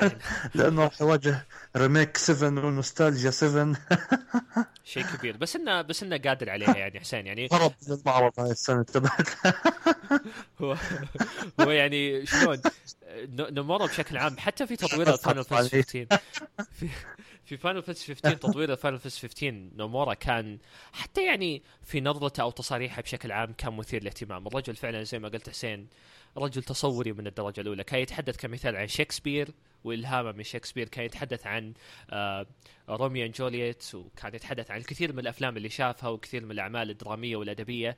الرجل فعلا آه رجل فني من الدرجة الأولى وهذا الشيء اللي يعني أتمنى أنه يتم تطبيقه في Final Fantasy 7 لأن عموما تم الاعلان عن بعض التفاصيل. أوه راح يبدع فيها يا فهد صدقني. إن شاء الله إن شاء الله. يعني هو طبعا بعض التفاصيل تم الاعلان عنها و... وقالوا بأن الأحداث راح تكون مختلفة. يعني هو حسب كلامه قال بأن ال plot راح يكون موجود. أنتم بتشوفون اللعبة زي ما هي لكن أنا بالنسبة لي عاد بغير شوي عاد أعطوني فرصة يعني. هو أكيد فهد بتعرف الفكرة إنه بعد Final Fantasy 7 كان في compilation كامل الفيلم و Crisis Core ومنتجات فرعية كثيرة و... فهو حاليا راح يغير في القصة حتى يضيف references آه، ومعاني وربط مع هاي الألعاب عرفت كيف؟ أو المنتجات. وبرضه في نقاط إنت لو ترجع تلعب Final Fantasy 7 فهد راح تحس إنه في نقاط لو عملت ريميك جد إنك راح تحتاج تعدلها عرفت كيف؟ صح. يعني بتحس إنها ابدا ما بينفع إنها تنتقل بنفس ال... بنفس الطريقة لل... للزمن الحالي. فيها نقاط للأمانة بتحتاج تعديل. صح بالضبط. وهذا وهذا اللي كنت بقوله حسين بأن يعني بعض الناس عموما يرفضون فكرة الريميكات بشكل عام في عالم الالعاب طبعا بالنسبة لي أختلف ما لي إذا تتفق معي ولا لا. لكن عالم الألعاب نوعا ما كحالة فنية فكرية حسين أقل عمرا من أي منتج ترفيهي ثاني آه يعني غالبية عالم الألعاب عموما أو الألعاب عموما غالبيتها ترى تمتد إلى خمس سنوات سنو ست سنوات من تطفى الحالة الفنية اللي فيها ما عاد يتم تقبلها ابدا. Final Fantasy 7 كانت منهم، يعني الأمر مو مشابه للروايات أو للأفلام أو أي قطاع ترفيهي ثاني، لما يتم تقديم الحالة الفنية فيها فهي راح تبقى للأبد.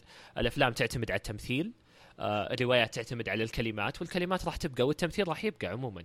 لكن لما نيجي لعالم الألعاب عالم الألعاب مشكلته إنه يعتمد على التقنية واعتماد على ال presentation. وعلى ال presentation بالضبط. يعني ال presentation المشكلة إنه يكون محدود دائما في أي سنة تصدر فيها اللعبة يكون في محدوديات والمحدوديات هذه تنكسر مع كل سنة. فبعد خمس سنوات أو ست سنوات من الظلم الكبير إنك تحكم على اللعبة اللي قبل خمس سنوات وست سنوات باللعبة اللي موجودة عندك حاليا. لأن اللعبة هذيك تعتبر مظلومة. مظلومة في وقتها في وقتها هذاك. فال remake في عالم الألعاب أكثر تقبلا من أي remake في أي صناعة ترفيهية ثانية لأنك أنت تصنع الحالة الفنية مرة ثانية وتجددها وتعطيها حقها إنها تعيش أطول من اللازم. ف آه أكيد صحيح. وبرضه في نفس الوقت حتى بتعرف الجمهور اللي برفض التغيير أو بيطالب بالحفاظ على النكهة الأصلية أو برضه اللعبة الأصلية موجودة عنده عرفت كيف؟ يلعبها عادي ما حدش بيمنعه يعني. وبرضو يعني Final Fantasy 7 كانت نوعا ما حالة شوي مختلفة. لأن Final Fantasy 7 كانت هي النقلة الكبيرة في ال graphics وكانت النقلة الكبيرة في الأصوات وكذا. فكانت هي البداية وتعرف البداية دائما تكون بدائية في وقتها. وهي فعلا بدائية يعني Final Fantasy 8 أو 9 أكثر اتقانا بكثير من 7 اللي كانت بدائية. ف 7 شوي تقدر تقول جاية في النص الأكثر. حاجة لل remake الأكثر صحيح. حاجة بالضبط إيه، الأكثر حاجة. ف يعني كويس كويس جدا. خبر مفرح للغاية. آه، إيش بعد؟ إيش عندنا في سوني؟ بالضبط Shenmue. Shenmue اللي طبعا آه، دعمها إلى الآن وصل إلى 3 مليون و300 ألف أعتقد أو 400 ألف تقريبا. راح يتجاوز Bloodstained براحة أكيد أكيد. لا ننسى ان في آخر الأيام الدعم يزيد بشكل كبير يزيد. جدا. إي. فهذا الشيء اللي صار بلاد ستين بلاد ستين في آخر يوم كان 3 مليون و900 ألف. وفي خلال مدري كم ساعة حققت 5 مليون ومدري كم بعد ف يعني شيء كبير. إن شاء الله يعني نشوف اللعبة بإذن الله. شنمو 3 أنا ما أدري لعبت اجزاء قبل حسين ولا لا؟ آه لعبتهم. امم okay. على Dreamcast لعبتهم. كان في Dreamcast عندنا في العيلة موجود عند قريبي. إيه. ولعبنا Shenmue 1 و Shenmue 2 و Sonic Adventure 1 و Sonic Adventure 2 و Resident Evil Code Veronica كمان لعبتها على Dreamcast قبل ال PlayStation 2 وعلى فكرة نسخة ال Dreamcast أفضل من نسخة ال PlayStation 2 okay. من من Code Veronica. كانت آه، نسخة نسخة ال PlayStation 2 كان فيها جاجز من من من Resident Evil. كانت صافية على ال Dreamcast هاي نقطة أنا استغربتها في هذاك الوقت للأمانة يعني لأنه ال PlayStation 2 ك hardware كان أقوى. و Crazy Taxi على ال Dreamcast كمان. يعني مجموعة ألعاب تانية ما بتذكرها حاليا صراحة. بس هاي هاي العناوين المذكورة كانت يعني ال highlights لتجربتي مع ال Dreamcast ال Dreamcast كان جهاز رائع صراحة. ولو إنه ما طول كثير في السوق بس كان مميز كان تصميمه بيشبه ال PlayStation 1 بس لونه هيك أبيض أكثر نوعا ما. تصميمه جميل كان وال controller تبعته كان فيها فراغ إنك تحط ال memory card نفسها في ال controller وال memory card كان فيها شاشة. عرفت كيف؟ okay. كانت فكرة نوعا ما مميزة إنه الشاشة بتعرض لك أشياء معينة. يعني كانت فكرة ما حدا طبقها بعدها بنفس الطريقة لحد ما إجت أجهزة Nintendo اللي كان فيها second screen بس فكرة ال memory card كانت مميزة في ال... في ال Dreamcast وال controller كانت مميزة. okay. okay. إن شاء الله يعني لأني والله ناوي أجرب Shenmue صراحة الجزئين كلهم عشان يعني حماسا للجزء الثالث صراحة والإعلان عنه. طيب okay. انتهينا من Shenmue. خلينا ننتقل للموضوع اللي بعده. آه عندنا وش اللي صار بعده؟ إي طبعا واحدة من الطلبات اللي موجودة عندنا في تويتر اللي هو التحدث عن مشروع آه Horizon بالضبط Horizon Horizon مشروع فاجأني للأمانة. يعني تعرف لما تجيك لعبة بهذ الألوان والخيال وال art من team ألعابه كلها FPS و... وما فيها أي تميز فني بتحس إنه إيش؟ شيء غريب فجأة كذا إيه، صادمة صراحة. فهاي نقطة كانت يعني صراحة المستوى الفني للعبة جدا خلاب يعني رائع جدا. وهي طبعا بتتبع آه، نوعا ما ممكن تحكي موضة اللي هي موضة الستيم بانك الموجودة حاليا. اي بس اللعبة إجمالا نوعا ما حسيتها بتركز على ال... فيها تركيز كبير على ال combat مقارنة في ال... مقارنة في ألعاب ال open world المعتادة. صح. مش مجرد لعبة RPG عادية. وتحس إنها scripted نوعا ما يعني ما فيها هذيك الحرية. نوعا ما من العرض طبعا أتكلم. ما أدري عاد اذا إذا في أشياء مختلفة في داخل اللعبة الحقيقية. بس تحس ان فيها عنصر قصصي حتى في تجربتك في العالم مفتوح فيها عناصر قصصية سينمائية كثيرة جدا. آه نعم هو توجه اجمالا. أتوقع شركة سوني نفسها بتتبناه التوجه السينمائي عرفت كيف؟ بتشجع إنه يكون موجود في أغلب ألعابها لأنه هي نجحت بهاي الطريقة و Uncharted نجحت بهاي الطريقة و The Last of Us فهم اجمالا يعني عندهم طريقة تعتمد على الإبهار في عرض اللعبة سواء مثلا تفاعل الشخصية مع الأحداث أو حركة الكاميرا أو أو أو أو, أو. ف Horizon برضو قدمت هاي هاي النقاط بشكل متقن. ولكن في الأخير يعني بتعرف بضل نشوف ال game مثلا هل عملية الصيد لأي درجة مثلا راح تكون منوعة لهاي الوحوش الآلية عرفت كيف؟ صح كيف راح تكون ال abilities الموجودة أه لأي درجة راح تكون مثلا كل وحش عنده weakness وفي elements عرفت كيف؟ كيف راح يتم التعامل معها هاي نقطة كثير مهمة راح تكون لأنك يعني بتصمم لعبة كاملة ولعبة ضخمة ولعبة عالم مفتوح مش مجرد تجربة مثلا تتحكم فيها بال بمدى ال progression الموجود عند اللاعب زي Dark Souls مثلا عرفت كيف؟ صح وتعرف يعني واحدة من الأمور اللي علم... علمتني إياها هذا الجيل حسين إن يعني بصراحة علمتني أو علمني هذا الجيل بأن كيف أن ألعاب تصميم ألعاب RPG بشكل عام تصميم صعب جدا. وخصوصا آه نعم أكيد. يعني خصوصا لما المطورين انتقلوا إلى ألعاب ار جي طبعا ألعاب ار جي من زمان ما كان لها ذاك الاهتمام بس لما انتقلوا ألعاب RPG مع النجاح اللي صار أه حسيت فعلا بأن المصممين اللي كانوا يصممون لنا ألعاب RPG من زمان كانوا مبدعين فعلا. لأن بدأت تطلع المشاكل بدأت تطلع البدائية اللي موجودين عند المطورين الجدد حاليا. يعني أنا متخوف من هذا الشيء. ترى المسألة مين مساله يعني أتمنى منهم أنهم يعون ذلك بأن المسألة مين مسألة فتح العالم كذا كبير تخليه وتعرض لك شوية مقاطع سينمائية ووحوش كبار وانتهى الموضوع. الموضوع في عناصر ميكانيكية دقيقة جدا. متعة اللاعب أثناء المشي والتواصل والإحساس والشعور بالعالم. والشعور أيضا بالتقدم والشعور بالتطور. الشعور بانه يمتلك شخصية فعلا تستحق الامتلاك أيضا نقطة مهمة جدا.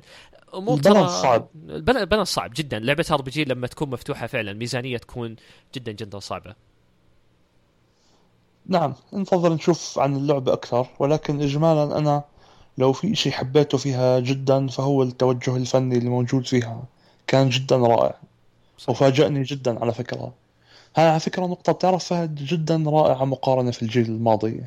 الجيل الماضي كنت تشوف أي new IP لازم يكون رمادي ولازم يكون shooter أو third person shooter ولازم يكون واقعي ولازم نوعا ما هذا الجيل الشركات بدأت أو الصناعة ككل خلينا نحكي الصناعة ك... ك... كميديا عمرها قصير. بدأت تنضج وتتطور نوعا ما صحيح. بدأت تتبنى مواضيع مختلفة توجهات فنية مختلفة ما عادت تحكر نفسها في في شيء واحد عرفت كيف؟ وتدري ليش هذا شيء صراحة ممتاز وتدري ليش حسين؟ لأن العوالم انفتحت أنت من يوم ما تفتح العوالم في عالم الألعاب عموما فأنت تكون مجبور إنك تقدم عوالم مختلفة لأن العالم نفسه يجبرك أصلا من يوم ما ينفتح ويصير تقنيا كبير جدا يجبرك على إنك أنت تغير ويجبرك على انك انت تصمم يجبرك على انك انت تتعب في رسم اللعبة. يجبرك بالكامل. يعني آه، وهذا شيء يعني ذكرته من زمان بأن انتقال المطورين الالعاب ار بي راح يجيب نتائج إيجابية كبيرة جدا في هذا الجيل. وهذا اللي قاعدين نشوفه حاليا بأن الناس قاعدين يتعبون على عوالمهم لأنهم ما راح يقدمون عالم كبير فارغ. هم أصلا وهم قاعدين يصممون اللعبة لما يقدمون عالم كبير وقد يلعبونها ويجربونها بيشعرون بالملل ويشعرون بأن اللعبة نفسها كأنها تحاكيهم وتقول لهم صمموا زي الناس. لا العالم مو مجرد فتح عالم وانتهى الموضوع. لا لازم يكون في تصميم فني رائع للغاية لأن هذا عالم يعني الأمر مو بسيط. وهذه هذه واحدة من إيجابيات RPG يعني. الناس اللي متمتعين في ال RPG حاليا أو متمتعين في هذا الجيل حاليا أقول لهم ترى هذه فائده RPG. وهذا اللي زي ما تقول إحنا كنا نعيشها من قبل لكن للأسف ما كانوا الناس يصدقونا. الآن صار يصدقونا لأن الناس كلهم قلدوه ف يعني. آه عندنا برضو آه وش المؤتمر اللي بعده؟ هاي تقريبا مؤتمر سوني ولا؟ ما أدري إذا كان في شيء ثاني ولا؟ انشارتد 4 انشارتد 4 بس يعني عرضت من قبل يعني تعرف ما أدري وش نتكلم عنه بالضبط. انشارتد 4 عارفينها ما أدري إذا كان في شيء تبغى تقول عنه ولا؟ صراحة في نقطة يمكن نقطة واحدة إيه؟ اللي هي نقطة نوتي دوغ إجمالا عندهم نقطة قوة صراحة أنا يعني مني وعلي كشخص مليت من بعد انشارتد 3 من سلسلة انشارتد ما أظن أرجع لها بأي وقت قريب لأنها نوعا ما بتحسها أشبه بالفيلم الصيفي عرفت كيف؟ إيه. يعني مش مش تجربة أنا بفضلها بشكل شخصي بس هم عندهم نقطة حلوة يعني تستحق المديح اللي هي نقطة في فلسفة تصميم الألعاب اسمها ال illusion of choice دائما Naughty Dog بتحسسك إنه أنت عندك الاختيار إنك تنفذ الإشي اللي أنت نفذته ولكن أنت فعليا ما بيكون عندك الخيار عرفت كيف؟ يعني أنت مثلا في مشهد في مقطع المطاردة كنت تشوف إنه مثلا Drake و Sully أظن بكون معاه في الجيب بالضبط إيه. بكون إنه بقدر يروح من طريق مختلف مثلا وهو يسوق عرفت كيف؟ بس هو فعليا أنت سواء رحت يمين أو شمال المركبة اللي بتطاردك راح توصلك عرفت كيف؟ يعني الحدث نفسه scripted نوعا ما سواء يعني يعني في تشويس بس التشويس عبارة عن وهم عرفت كيف؟ إيه. سواء طبقته أو لا النتيجة واحدة يعني بس هم بيلعبوا على هاي النقطة ببراعه أكثر من أي مطور تاني في ال industry كامل هاي النقطة هي اللي بتمنحهم إحساس التفاعل يعني زي كأنك بتحصل على فيلم أنت بتتحكم فيه أنت بتصنع هذا الفيلم عرفت كيف إيه. هذا الشعور هو هو الأكثر إتقانا عند Naughty Dog مقارنة في أي مطور تاني موجود حاليا هو سر شعبيتهم الكبيرة اجمالا يعني بتتذكر حتى مثلا في نهاية ال... ال trailer لما يرمي الحبل ويمسك في الجسر إيه. برضو هاي اللقطة نفذها اللاعب يعني اللاعب هو اللي رمى الحبل و... و... ومسك مش إنه مثلا كان يتفرج على ال cutscene وشاف دريك بيرمي الحبل وبعدين بدأ يتحكم. لا هو اللي رمى الحبل. بس هو مجبر. يعني إذا ما رمى الحبل ما راح تتقدم اللعبة. يمكن يموت ويرجع يعيد المقطع مرة ثانية. عرفت كيف؟ صحيح. وهذه وهذه الرساله تحديدا اللي تتكلم عنها حسين. هذه أتمنى أن Tomb Raider تتعلم منها. شوف هاي هاي نقاط قوة مختلفة فهد. يعني مطورين Tomb Raider يمكن ما عندهم هاي نقطة القوة ولكن عندهم نقطة قوة تانية مش موجودة في Uncharted اللي هي الاستكشاف ال exploration. تصميم المراحل في في Tomb Raider كان أقرب لألعاب ال sandbox من Uncharted يعني كنت تأخذ ال items وتطورهم بس تأخذ كل ال items في الأخير. اللعبة بتفتح لك ال fast travel عرفت كيف؟ إيه. كنت أرجع لكل منطقة في ال game من أولها وأبدأ أجمع كل شيء فيها. هون حسيت فعلا قديش تصميم المراحل في Tomb Raider كان حلو. كتير كان حلو إنك ترجع لهاي المراحل وتتسلق هون وتطلع هون وتنزل فوق هذا الكوخ وتحت هاي الشجرة و... وتكتشف إنه كل شبر مترابط وكل شبر وزاوية فيها إشي وكل هاي نقطة قوة جدا ممتازة. ل لا لا لا شو اسمهم؟ Crystal Dynamics.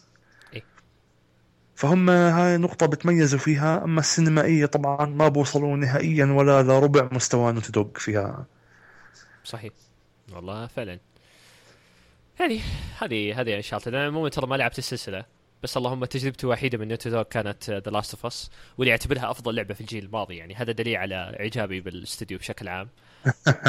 لكن Uncharted إن شاء الله مع ال collection بإذن الله نجرب الجزء الأول والثاني والثالث كذا ورا بعض. عندنا بعد كذا Square Enix مؤتمر Square Enix الأخير. مؤتمر Direct كان فيه أول شيء. اي أوه بعدين أوه نسيت. والله حتى نينتندو نسيت سالفتها شوف اي درجة النسيان هو. فعلا فعلا. طبعا أنت عندك كلام كبير عن عن نينتندو. حاسك متضايق. والله يا أخي أكيد راح أكون مش بس متضايق ولكن يمكن هاي أول مرة أحس إنه نينتندو تخذلني بكل معنى الكلمة. أول مرة على الإطلاق من أول يعني أنا بتعرف ما كنت من الناس اللي بدأوا مشوار ال gaming في الطفولة مع نينتندو ما كان عندي لا Super Nintendo ولا نينتندو 64 ولا لعبت عليهم شيء عرفت كيف؟ إيه. بدايتي معهم كانت من ال GameCube وال Game Boy Advance ومن وقتها يا أخي حتى في أي وقت في أي زمن في أي وقت كان تتعرض فيه الشركة للانتقاد كنت دائما كمستهلك كنت راضي لأنه دائما الشركة كانت محافظة على quality غير طبيعي في ألعابها يعني كل لعبة خصوصا الأسماء الكبيرة مصممة لهدف ومصممة بطريقة يعني ترضي جمهورها و... وما بتحس في أي نوع من الاسترخاص عرفت كيف؟ إيه. يمكن هاي أول مرة أشوف مؤتمر لنينتندو يعني رخيص بالكامل يعني مشكلة مش مش مشكلة يعني مثلا سابقا كان الناس يزعلوا لما مثلا نتندو تعرض Wii Music ورقص وابصر إيش و... okay مزبوط بس يعني نتندو كانت تعمل لعبة رخيصة زي Wii Music وفي المقابل تصنع Mario Galaxy عرفت كيف؟ يعني كانت تعامل كل لعبة بما بما يناسبها خلينا موازنة إي موازنة فعلا.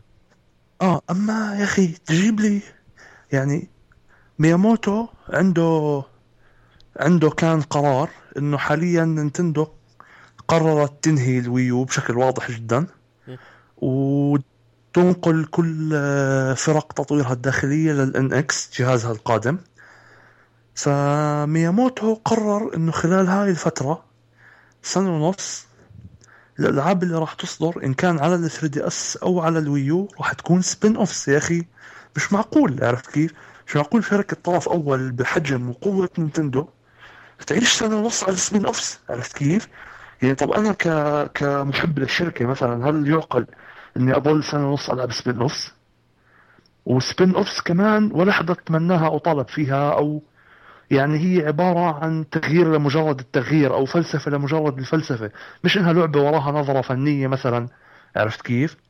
فهاي مشكلة كارثة يعني صراحة. يعني عندك مثلا آه، آه، Metroid. Federation Force هاي هاي هاي مصيبة صراحة. يعني لما لما أحكي Metroid قلبي بوجعني. لأنه هاي المعزلة عيب عيب ينحكى عنها Metroid بصراحة هي اللعبة okay ممكن تكون ممتعة لأنه فريق Next Level Games فريق موهوب. ولكن يا أخي لعبة shooter Metroid shooter مش يعني مش ممكن. يعني لعبة مشهورة بالعزلة وال adventure وال platforming والألغاز يعني انت بتعرف لو لو نزلت جزء رئيسي وبعديه عملت spin-off تتوسع أو تغير في اتجاه السلسلة okay. بس إنك تغيب خمس سنين وال fans خمس سنين بيستنوا ال game وبنتظروا على أحر من الجمر رجعتها في زمن صار في صار في نهوض لألعاب المترويدفينيا على على على على على, على, على خدمة ال digital. زي جواكاميلي زي ألعاب كثيرة صدرت من هذا النوع عرفت كيف؟ بلود ستيند كذا إلى آخره. فها يعني هاي الشغلة زادت تعطش الجمهور لمترويد. تروح تفاجئهم بمشروع بهاي السخافة. يعني عيب صراحة. إشي غريب غريب غريب. يعني عمري بحياتي ما شفت نينتندو بتتصرف مع IP مهم عندها بهاي الطريقة. يعني عرفت كيف؟ يعني نينتندو دائما كنت تحسها أكثر شركة بتعرف قيمة ال IP تبعها في ال industry كاملا. كنت تشوف مثلا سكوير بتطلع لك مثلا ألعاب رخيصة تحمل اسم فاينل فانتزي كنت تشوف مثلا كابكوم بتطلع لك اوبريشن راكون سيتي أو ألعاب أو جان سرفايفر ألعاب كارثية عرفت كيف؟ إلا نينتندو نينتندو كانت دائما يعني إذا بتتذكر أي زلدا مثلا صدرت أو أي مترويد صدرت ما في لعبة رخيصة ما في لعبة عبارة عن آه، شيء لا يناسب عالم السلسلة الأصلي عرفت كيف؟ فكان يعني شيء جدا غريب إن شركة نينتندو يعني تلعب في ال في ال في ال IP بطريقة لا تناسب ال IP عمر عمرهم ما عملوها. فكانت صدمة بصراحة. مترويد يعني المشكلة مترويد من جهة أنيمال كروسنج من جهة. جمهور الوي يو من فترة بتوقع لعبة أنيمال كروسنج وبسمع عنها. بالأخير طلعت أنيمال كروسنج عبارة عن ماريو بارتي بس بشخصيات وعالم أنيمال كروسنج يعني ضحك على الذقون عرفت كيف؟ لأنهم ما بدهم يصدروا انيمال كروسنج ال IP القوي في اليابان اللي ببيع 4 مليون على جهاز فشل تجاريا زي الوي يو عرفت كيف؟ فهاي اللعبة عبارة عن ضحك على الجمهور بصراحة.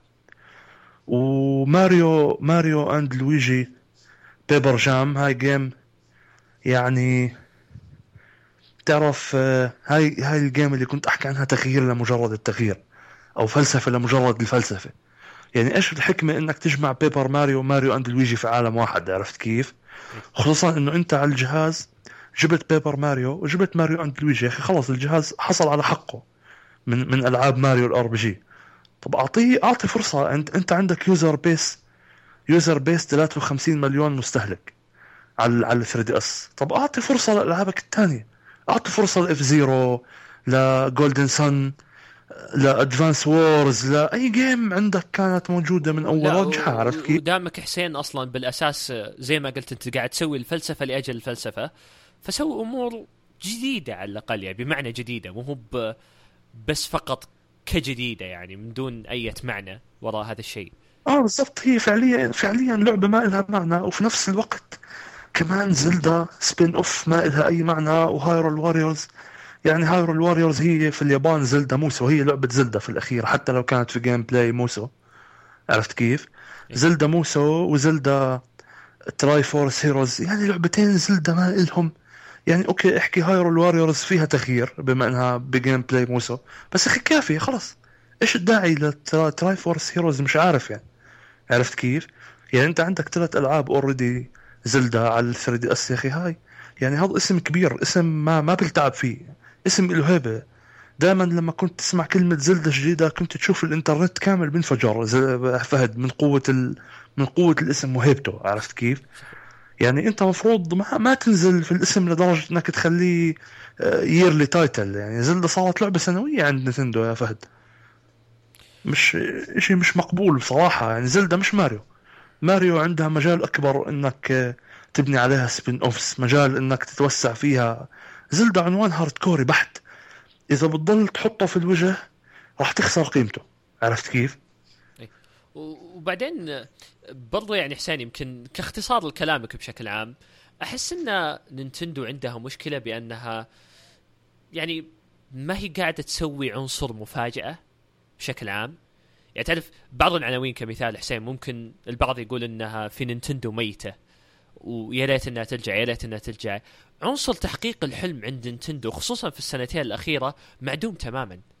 ما في تحقيق أحلام. ترى فهد أنا صراحة بختلف معك في النقطة. هم هم كشركة يعني كانوا جدا يرضوا الفان بيس الخاص فيهم. هم كانوا عاجزين عن التوسع أو عاجزين عن اقتطاب عن استقطاب جمهور جديد. صح. ولكنهم كانوا يرضوا جمهورهم تماما. يعني هم فعليا عندهم سياسة إنه لعبة مثلا ما جابت أرقام تجارية كبيرة أو كذا أو بتركوها ثلاث سنين أربع سنين ثمان سنين بس بيرجعوا لها عرفت كيف؟ okay. هاي السياسة عندهم خلت ال fans دائما يعني راضيين عنهم يعني تعرف مثلا لويجي مانشن انحبت على الجيم كيوب ونجحت والكل تمناها ترجع مرة تانية رجعوا بعد عشر سنين عملوا جزء تاني ونجح وباع أربعة مليون نسخة عرفت كيف؟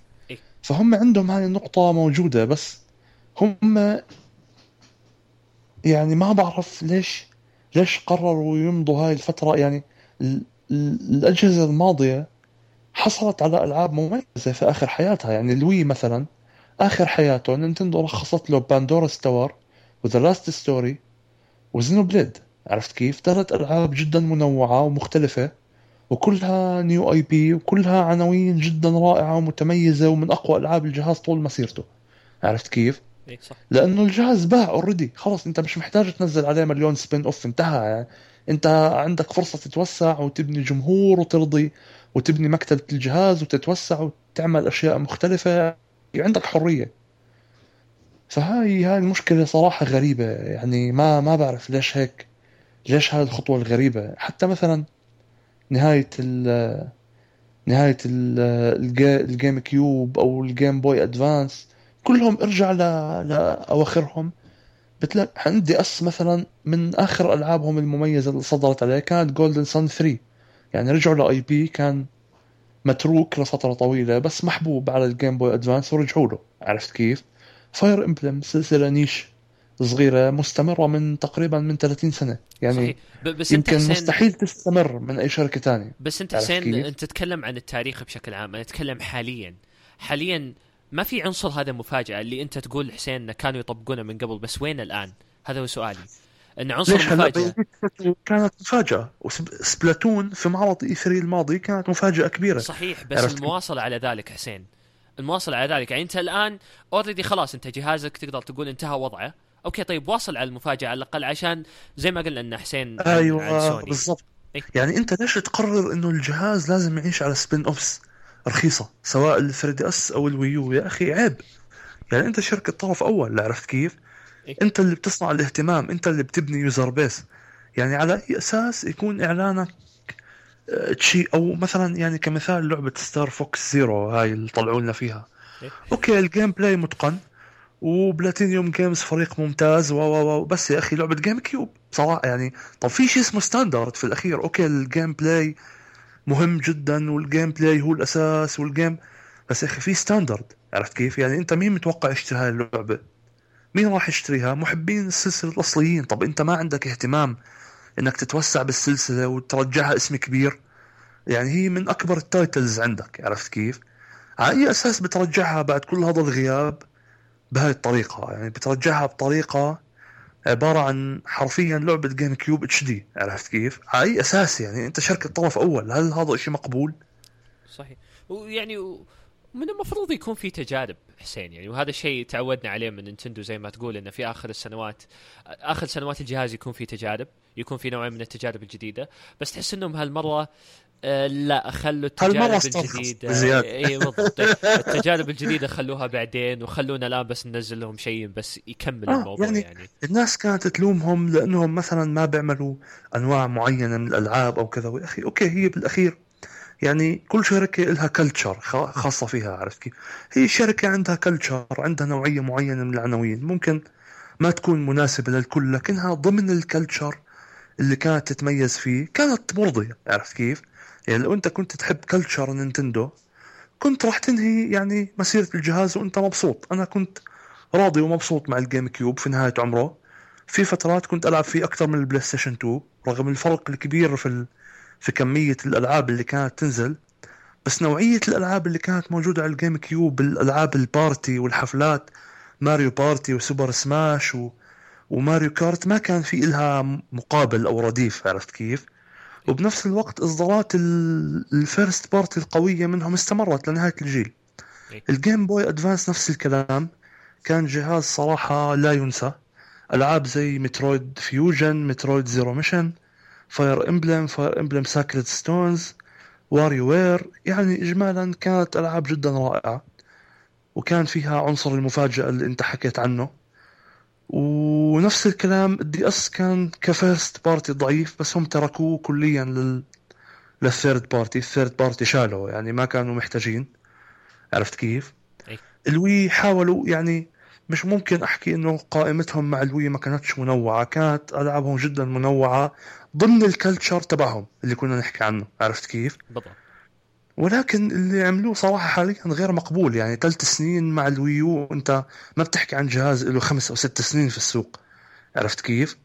وال 3DS جهاز ناجح وله جمهور كبير. يا أخي جرب معاه إيش راح تخسر؟ يعني عرفت كيف؟ يعني هاي Metroid Metroid Blast Ball هذا ال mode اللي عبارة عن ما بعرف إذا شفته ولا لا. لا والله ما شفته لا. يا أخي mode okay هي فكرته جدا جميلة بس ليش يعني ليش تلزقه في مترويد؟ المود هو عبارة عن إنك بتلعب ثلاثة ضد ثلاثة عرفت كيف؟ إيه؟ وفي كرة وفي مرميين مرمى على اليمين ومرمى على اليسار فالكل يعني بيطلق ال... بيطلق النار على الكرة عشان يحركها تدخل هدف في الخصم زي زي كرة القدم عرفت إيه، كيف؟ بالضبط إيه. فكرتها جدا جميلة وممتعة أخي ليش تخليها مترويد أو mode في مترويد عرفت كيف؟ يعني حطها أرسمها بطريقة ملونة هيك جميلة وابني عليها لعبة كاملة ونزلها لعبة رقمية مثلا باسم Blast Ball أو بأي اسم بدك إياه يا أخي. ليش لازم تحشر مترويد في الموضوع عرفت كيف؟ أخي في هاي الشركة كثير بتبالغ في التمسك في أسماء معينة مش مش معقول يعني. يعني بطريقة ما كانتش موجودة بهاي يعني دائما لما كانوا يعملوا game كنت تحس إنه في هدف أو في سبب من وراها. حتى لو شخص ما بحب الشركة ما فهم. انت كمحب لهاي الشركة كنت بدك جزء جديد من بيبر ماريو وجزء جديد من ماريو أند لويجي وجزء جديد من بيكمان ومن ماريو 2D ومن ماريو 3D ومن يعني انت بتحب الشركة بتحب السلاسل هاي لازم ترجع لازم كل سلسلة يكون لها جزء في كل جيل. عرفت كيف؟ ولكن إنك تمسك يعني تجيك جيم ما تفهم إيش الهدف من وجودها هذا إشي أنا عمري ما شفته صار في نتندو من قبل في حياتي يعني لدرجة إن إدارة نينتندو ردت على ردة الفعل اللي موجودة يعني إيواتا ذكر. هو غاضب. متفهم إيه. متفهم الغضب اللي حاصل حاليا وكذا وبعدين برضو لا ننسى يمكن قلنا هذه النقطة سابقا انه يجب أن نذكرها مرة ثانية ال standard اللي كان موجود في معرض E3 غير طبيعي رفعوه الشركات الثانية بشكل أسطوري وزي ما تقول نينتندو أتوقع ما كانت متوقعة لهذا الشيء تفاجأت نوعا ما يا أخي هاي هاي برضو بحد ذاتها يعني بصراحة آه، عذر أقبح من ذنب لهم بتعرف ليش فهد أي. أنت بتحكي عن نينتندو فهد شركة كم سنة بتحضر معرض E3 20 سنة صح صح يعني شر... أكثر شركة مفروض عندها خبرة في المعرض هي نينتندو يعني شركة بتعرف انه هذا. هذا المعرض عبارة عن مكان لاستعراض المفاجآت وللإبهار. خصوصا إنهم هم السنة الماضية مع ال Treehouse واستعراض سبلاتون وكانوا يمكن أكثر شركة حققت ضجة في المعرض إذا بتتذكر إي صح بالضبط. اعلاميا بعد المعرض التقارير الصحفية اللي طلعت و كلها كانت تتحدث عن نتندو وطريقة تميز عرضها وألعابها مقارنة في الأشياء الثانية اللي كانت موجودة عرفت كيف؟ فأنت مفروض عارف مسبقا إنه هذا المكان موجود لإبهار اللاعب فكيف بترضى إنك تجي له وتعرض شلة spin-offs ممكن تشوفهم على موبايل بدولارين عرفت كيف؟ كيف ترضى أنه أنت كطرف أول تنزل لهذا المستوى؟ يعني أنت المفروض حتى لو ال Wii U أنت ناوي تقتله على الأقل على الأقل طور له مشروع مشروعين طريقة محترمة تدفع عليهم شوية فلوس عشان المستهلك يضل يحترمك ويضل ما ينسى أنه أنت خدمته وقدمته بقدر استطاعتك قدمت له منتجات لنهاية هذا هذا الجهاز عرفت كيف؟ أما أنك تنهي الجيل سواء مع ال Wii U أو ال 3DS بهاي الطريقة السيئة إشي غريب صراحة. يعني هم حاليا معركتهم مع ال NX راح تكون صعبة جدا جدا جدا لأنها ما عادت معركة فقط يعني من أجل النجاح معركة حتى من أجل تغيير الرأي العام فيهم لأنه الرأي العام تجاههم راح. يضل جدا negative من هون ل E3 القادم صح فعلا. والله غريبة يعني. أو أول مرة أشوف ردة فعل جمهور نينتندو بهذه الطريقة وأنت من ضمنهم صراحة. ردة فعل كانت كبيرة جدا جدا. فشوف شوف نينتندو إيش بتسوي. آه. ويستحقوها والله يا فهد للأمانة. معليش على القطعة المفاجئة نرجع لكم مرة ثانية. قطعة مفاجئة كذا عشان السحور. إحنا الحين قاعدين نسجل وإحنا صايمين. المفروض تشكرونا كذا تدعوا لنا كذا تقول الله الله يجزاكم خير يا شيخ. قاعدين نسجل وإحنا صايمين. خايفين من العطش حاليا. فتكون تعليقاتنا شوي بسيطة مع إن شربنا قبل شوي موية واجد بس يعني في في أشياء. عاد باقي لنا كم؟ باقي لنا فوق 12 ساعة صيام الله يعين إن شاء الله. ف آه. عندنا سكوير انكس أخيرا. تكلمنا عن نينتندو. طلعت اللي في صدرك يا حسين عن نينتندو. خلينا الحين ننتقل لسكوير انكس سكوير انكس واللي قدمت مؤتمرها أيضا لأول مرة مثلها مثل بيثيسدا. وكان كان في جهد جميل جدا من قبل المدير التنفيذي الجديد اللي طلع صورة صورة جميلة جدا للشركة بصراحة. إذا ما أدري إذا توافقني ولا لا. أكيد هو ماتسودا على العكس من بدايته. إيه. اتخذ توجه كامل نحو أجهزة ال console. وواضح صراحة إنه خلال السنة الماضية في صفقة صارت بين سوني وبين سكوير إنكس. بموجبها تقوم سكوير انكس بدعم البلاي ستيشن 4 بكل قوة. يعني لاحظ أنت الفرق بين بداية آه، ماتسودا إيه. حول Versus إذا بتتذكر للعبة multi.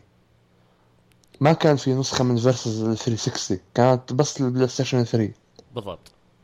لما أخذ مكان آه، وادا يوشي وادا حول Versus للعبة multi وبعدين أعلن عن 15 وكينجدوم هارتس 3 كألعاب multi. ما كان في توجه يعني بخص البلاي ستيشن 4 عن عن غيره أو منصات سوني بشكل عام عرفت كيف؟ بالضبط.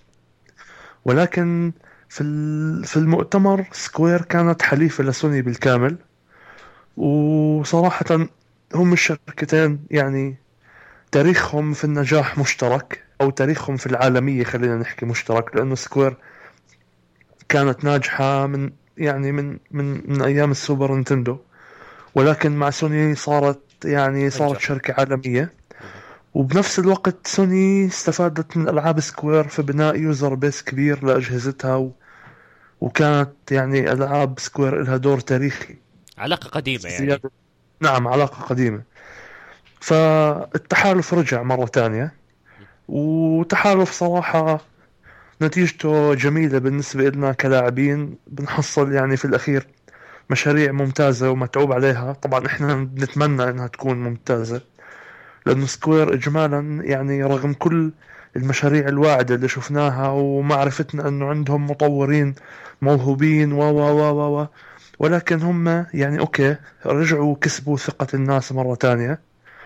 بقي فقط إثبات أنهم فعلا استحقوا هاي الثقة إن شاء الله لما تصدر هاي الألعاب ونجربها بنفسنا ونتأكد أنها فعلا بنفس المستوى اللي نطمح له. إن شاء الله إن شاء الله بإذن الله. يعني ب... الأشياء كثيرة الإيجابية في حسين في مؤتمر Square Enix وما أقدر صراحة أحصرها في حلقة واحدة.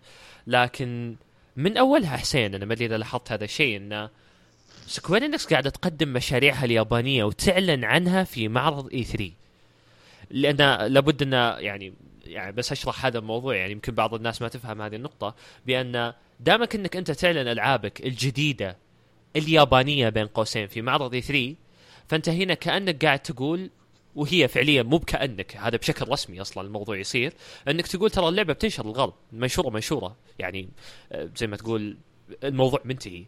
فكونك إنه يكون عندك أنت ثقة عميقة لدرجة إنك تقدم لعبتك في الغرب اليابانية في الغرب وإضافة إلى ذلك يعني زي ما تقول تعطي هذه الرسالة أن اللعبة منشورة في الغرب. فهذا يعني بأن مستوى مستوى تقدر تقول الاهتمام لالعاب ال RPG الياباني تعدى مستوى جميع المستويات اللي موجودة في السنوات الماضية. يعني إحنا نتذكر يعني يتم الإعلان في اليابان وبعد فترة طويلة بعد رؤية ردة فعل الناس وبعد رؤية ردة فعل الناس في اليابان وبعدين طلبات الغرب. هنا يتم الإعلان على الغرب. لكن تجي وتعلن عن المشروع جديد في الغرب هذه ترى شوي جديدة صراحة. كانت مفاجأة بالنسبة لي. هو فهد إيش اللي صار؟ اللي صار إنه ماتسودا أول ما مسك رئاسة سكوير كان عنده توجه. هو طبعا كان يعني ماشي بنفس أساسات يويتشي وادا بلش يتغير شوي شوي يعني. بس في البداية كان ماشي على نفس سياسة يويتشي وادا إنه الغرب يحصل على الألعاب الغربية اللي تطلع من Eidos إيه. واليابان تحصل الألعاب اليابانية. فمثلا مشروع Bravely Default آه ما كان في عند Square أي نية إنها تطلعه للغرب. بالضبط. بعدين Square طلعت Nintendo طلعته للغرب ونزل في نفس الشهر على ما أذكر اللي نزلت فيه Lightning Returns و Bravely Default باعت أفضل من Lightning Returns اللي عليها اسم Final Fantasy بالضبط وكان وكان كان نشرة من Nintendo. آه بالضبط. فهاي هاي كانت عامل لفت انتباه آه، ماتسودا والعامل الثاني كان فشل لعبة Hitman أنا قرأت مقابلة مع ماتسودا كان يحكي فيها إنه Hitman سبب فشلها Hitman Absolution إنها حاولت تكون آه، مشروع generalized بشكل عام يعني آه، خواص ال gameplay فيها صار صار لها stream streamlining بطريقة إنها تخاطب أكبر عدد ممكن من الناس. فهو في المقابلة كان يحكي إنه إحنا يعني وصلنا لنتيجة إنه أحيانا أنت لما تصنع منتج تحاول تخاطب فيه كل الناس بنتهي فيك المطاف إنه منتجك ما بخاطب حدا. عشوائي بالضبط عرفت كيف؟ بالضبط. فهو حكى إنه إحنا يعني من الآن فصاعدا راح نركز على إن نخاطب آه ال hardcore gamers وجمهور كل سلسلة ونحقق له رغباته إيه؟ عرفت كيف؟ فعشان هيك مثلا فريق Hitman نشر آه رسالة بيعتذر فيها عن توجه Absolution أو مش بيعتذر يعني بيحكي إنه تعلم من الأخطاء اللي وقع فيها وفي الجزء القادم راح يرجع لعناصر القوة اللي ميزت سلسلة Hitman هاي كانت يعني نقاط بدأ يتغير فيها تفكير Square Enix وبدأ يتغير فيها تفكير ماتسودا عرفت كيف؟ فصار يطلع إيش الموظفين اللي عندي؟ إيش نقاط قوتهم؟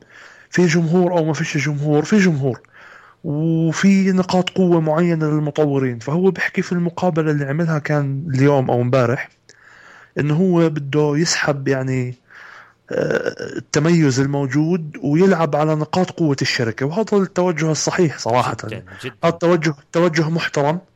عكس عكس توجه يوشي وادا اللي كان بركز على تحقيق الأرباح والبروفيتس بأي طريقة. المهم اسم المشروع وكيفية استغلاله تجاريا. ماتسودا ماشي بطريقة صحيحة وبعطي حرية و creativity لكل مطور. يعني مثلا شفنا هيروكي تشيبا واحد من مصممين Square القدامى. آه، يحصل على فرصة لإخراج مشروع Final Fantasy لأول مرة اللي هي لعبة the World of Final the Fantasy World of Fantasy بالضبط إيه. هيروكي تشيبا كان آه، من مصممين من مصممين ال events الرئيسيين في Final Fantasy 8 أظن كان كاتب السيناريو. وشارك في السادس وفي السابع. ويعني رجل قديم وهو على فكرة كاتب أو أظن أحد الكتاب اللي تم إعلانهم ل 15 بعد تغيير نوجيما. آه okay. okay. طبعا الكاتب. آه، الكاتب السيناريو الرئيسي ل 15 كاتبة فعليا هي حقت Dissidia أعتقد. آه نعم. اي بالضبط وكمان مخرج Nier حصل على فرصة اي تانية والله فعلا. هذا هاي هذا كانت مستحيلة من من Square قبل ثلاث سنين مش إيه. قبل عشر سنين. والله فعلا. وبعدين فهاي- لاحظ لاحظ كيف التفهم حسين واقطع كلامك. التفهم. يعني أنت تشعر فعلا بان وهنا لما أقول المدير التنفيذي علمتني Square إنك صراحة من خلال هذا المؤتمر بأن أهمية المدير التنفيذي أهمية كبيرة جدا بصراحة. أه وحتى لو جيت وأتكلم عن بثيستا تحديدا وأتكلم عن Square Enix لأنهم هم مروا في نفس المرحلة. مرحلة لعبة الجوال وأهميتها وربحها ومرحلة الاهتمام بألعاب الكونسول. تعرف يعني أغلب الشركات اليابانية عموما وأغلب الشركات الغربية للأسف لما ناظرت ألعاب الجوال ناظرت ألعاب الجوال على أنها هي مصدر الربح هي مصدر كل شيء ببساطة. فلذلك راحوا لها وسووا كل شيء يبغونه على الجوال وانتهى الموضوع. سحبوا على كل شيء. يعني كابكم حضورها في معرض إي 3 هالسنة كان مخزي جدا جدا بصراحة. هي حضرت أصلا. هي يعني ولا وحاضرة. يقال لك إنها حاضرة بعد ومقدمة كل العابها remasters للأسف عموما. وحتى Street Fighter 5 من تطوير سوني يعني. ما أقول مساعدة تطوير سوني ولا هي أصلا ما راح تكون موجودة. ف تعرف التركيز يعني تعرف أو الاهتمام. هذا دائما يكون هو محور الاهتمام اللي موجود أو محور النجاح اللي موجود لدى المدير التنفيذي. أنت ما عندك مشكلة إنك أنت تقدم ألعاب جوال وتنجح فيها حسين. وهذا اللي قاعد تسويه Square Enix الآن ولهذا السبب امتدحها وحتى بثيستا بالمناسبة لما قدمت لعبة Fallout Shelter ما قالت والله إحنا بنقدم هذه اللعبة وبننجح فيها وانتهى الموضوع واللي بالمناسبة هي ناجحة بشكل كبير جدا جدا حاليا. لكن في شيء يسمونه عدل في شيء يسمونه موازنة. الآن في صناعة الألعاب الحالية اللي فيها الكثير والكثير من الصناعات المختلفة ألعاب الجوال Steam كمبيوتر console وذا في شيء يسمونه موازنة. الآن سكوير إنكس بمثاليتها الرائعة وبتنظيمها ال- الرهيب جدا تسوي أفضل طريقة مثالية للموازنة. ألعاب الجوال موجودة وقاعدة تنجح؟ نعم قاعدة تنجح بشكل كبير جدا. ألعاب ال PC موجودة. تنجح؟ تنجح بشكل كبير. ألعاب ال console موجودة وفي مشاريع جديدة.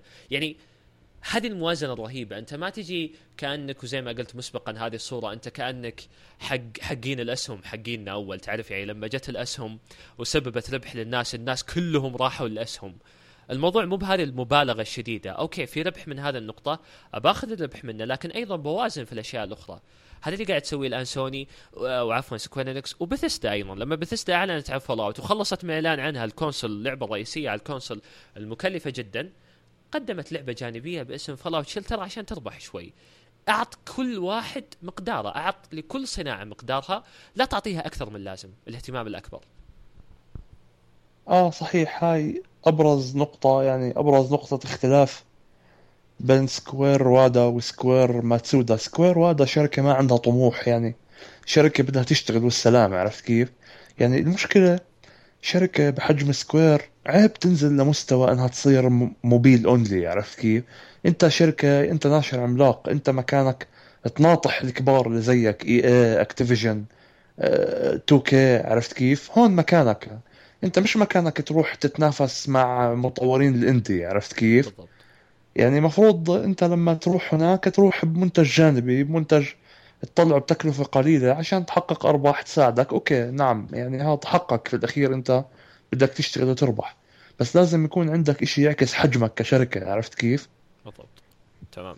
يعني آه، حتى يعني لو لو نجي لصناعه اليابان عموما حسين وهنا تبان أهمية سكوير إنكس ترى صناعة اليابان بشكل عام من يوم ما ذهبت سكوير إنكس عن صناعة ال RPG على ال console كل ال RPG الياباني سقط سقطة أليمة جدا في خلال السنوات الماضية. وكل واحد التكلفة يا فهد كان لها دور والله. التكلفة طبيعي. يعني التكلفة كانت قاتلة بتعرف كيف؟ لما نزلت أجهزة ال HD كان جدا جدا مكلف إنك يعني صارت التكلفة جنونية. لانك تصنع assets HD من الصفر والوقت الطويل اللي راح تاخده لل details والخلفيات والمجهود اللي راح تبذله. كان يعني فعليا قاعد بضاعف ميزانية هاي الألعاب عرفت كيف؟ فإشي كان صراحة مستحيل على الألعاب الصغيرة. يعني مؤخرا بدأت تكاليف التطوير تنخفض على الاتش دي والاتش دي صار في الموبايل وفي كل مكان. فرجعنا نشوف محركات up to date ورجعنا نشوف سرعة أكبر في العمل. بس هي صراحة يعني أنا ما بلومهم في بداية الجيل الماضي لأنه كان أمر اضطراري للأمانة يعني.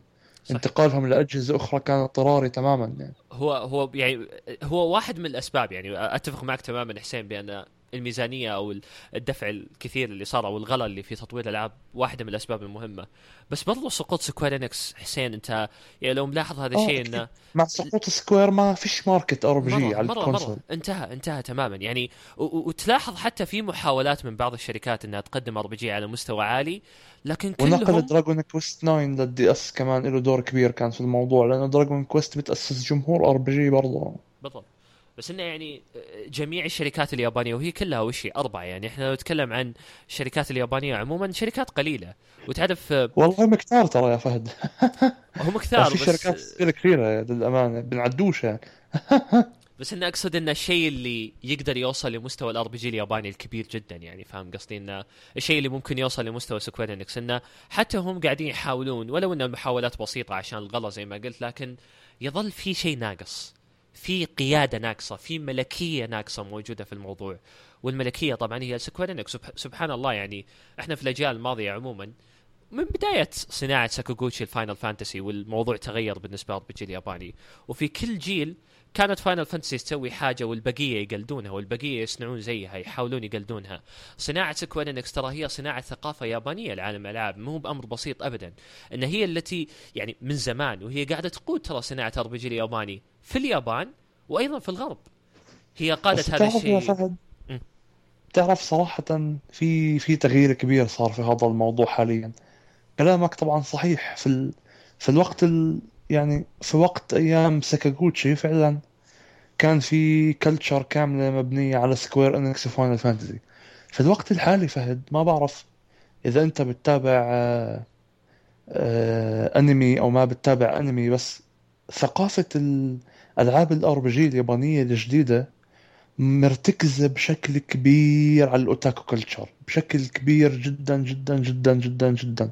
صراحة حتى فاينل فانتزي ما راح تغير هذا التوجه لأنه التوجه هذا يعني okay صح جمهوره مش كبير كثير مش جمهور mainstream ولكنه جمهور جدا مخلص. يعني بتنزل ال game كل سنة بيشتريها نفس مثلا هال ألف أو هال ألف بيشتروها كل سنة. عرفت كيف؟ في اختلاف كبير صار في في ال market خلال ال 15 سنة الأخيرة. اختلاف كبير فهد أكثر مما تتخيل. بس أنت شوف أنت مثلا تصاعد شعبية شوف تصاعد شعبية عناوين زي Persona و...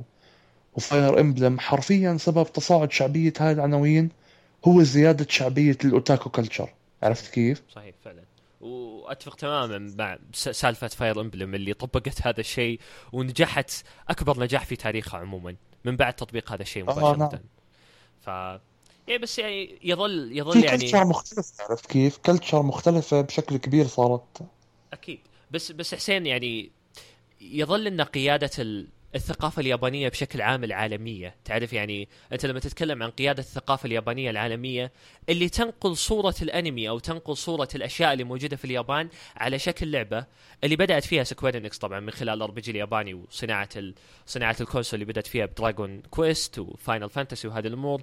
بس وصلنا إلى مرحلة فيها فراغ كبير. يعني تعرف خصوصا الجمهور الغربي طبيعي في أسباب كثيرة. الناس انتقلوا لل shooter الناس لعبوا ألعاب جديدة وأسباب كثيرة. لكن برضو واحدة من الأسباب المهمة هي أن الملكة غابت. أن القيادة اللي موجودة للثقافة اليابانية اللي كانت تنقل هذه الأمور للغرب أو تنقل الأمور هذه بشكل عالمي ولليابان نفسها حتى غابت. ما عاد صارت تقدم هذه الأمور اطلاقا. ف... أكيد إحنا ما حبينا هذه الثقافة إلا من ألعاب Final Fantasy للأمانة. بالضبط. ويعني ورجوعها مرة ثانية هو رجوع يعني حسين مشاكل الثقافة اليابانية كبيرة جدا. مشاكل التعداد السكاني مشاكل قلة تعرف مشاكل كبيرة. يعني تعرف حتى واحدة من مشاكل صناعة صناعة الألعاب عموما في اليابان بأنها صناعة ما يعني شلون صناعة بإمكان الواحد منها أنه يطلع منها بسهولة ويدخل إلى صناعة ثانية مثل الأنمي أو المانجا أو أي شيء تعرف يعني ما في ذاك الشغف اللي يشعر فيه المطور الغربي اللي لو يطلع من صناعة الألعاب ينتهي تماما ما عاد في صناعة ثانية يقدر يدخلها بينما في صناعة اليابان في ترابط كبير يجعل صناعة ألعاب ما لها ذيك القيمة لدى الشخص لما يدخلها فاهم قصدي؟ يعني هذه مشاكل عموما مع التعداد السكاني وهذه الأمور. يعني واحدة من التصاريح اللي قالها نومورا قبل فترة قبل يومين أو ثلاث أيام كان يقول بأني آه، كبرت شوي في السن وسألت اي سألت كيتاسي عن موضوع Final Fantasy Remake وقلنا أوكي يعني خلاص إحنا كبرنا في السن متى بنسوي هذا الشيء؟ يعني والتصريح شوي له زي ما تقول بعد يمكن نظرتها نوعا ما لأن فعلا اليابان تعاني من من قلة التعداد السكاني اللي يقدر يصنع لها مستقبل في صناعة الالعاب ترى. وهذه مشكلة لازم تكون مسؤولة عنها Square Enix لأن Square Enix من زمان إلى الآن وهي قائدة للوجه للثقافة اليابانية أمام الناس عموما في عالم الألعاب ويجب أنها تعود مرة ثانية لهذه النقطة. يعني Final Fantasy كمثال و Kingdom Hearts سلسلتين قدمت الثقافة اليابانية للعالم بشكل بشكل كلي بلمسات مختلفة فنية جديدة. إضافتها إلى ألعاب مختلفة طبعا لكن هذه السلسلتين عموما وخصوصا Final Fantasy لمدة 12 أو 13 جزء كانت ناجحة بهذه الطريقة. ف Kingdom Hearts 3 طالعه جباره على فكرة. فعلا أي والله فعلا فعلا جدا. جباره للغايه بصراحة. يعني هذه هذه لما يقول لك اللعبة المتعوب عليها فعلا. وزي زي ما قلت في تويتر إن في بعض الألعاب اللي تظهر لك قدرات المحرك نفسه.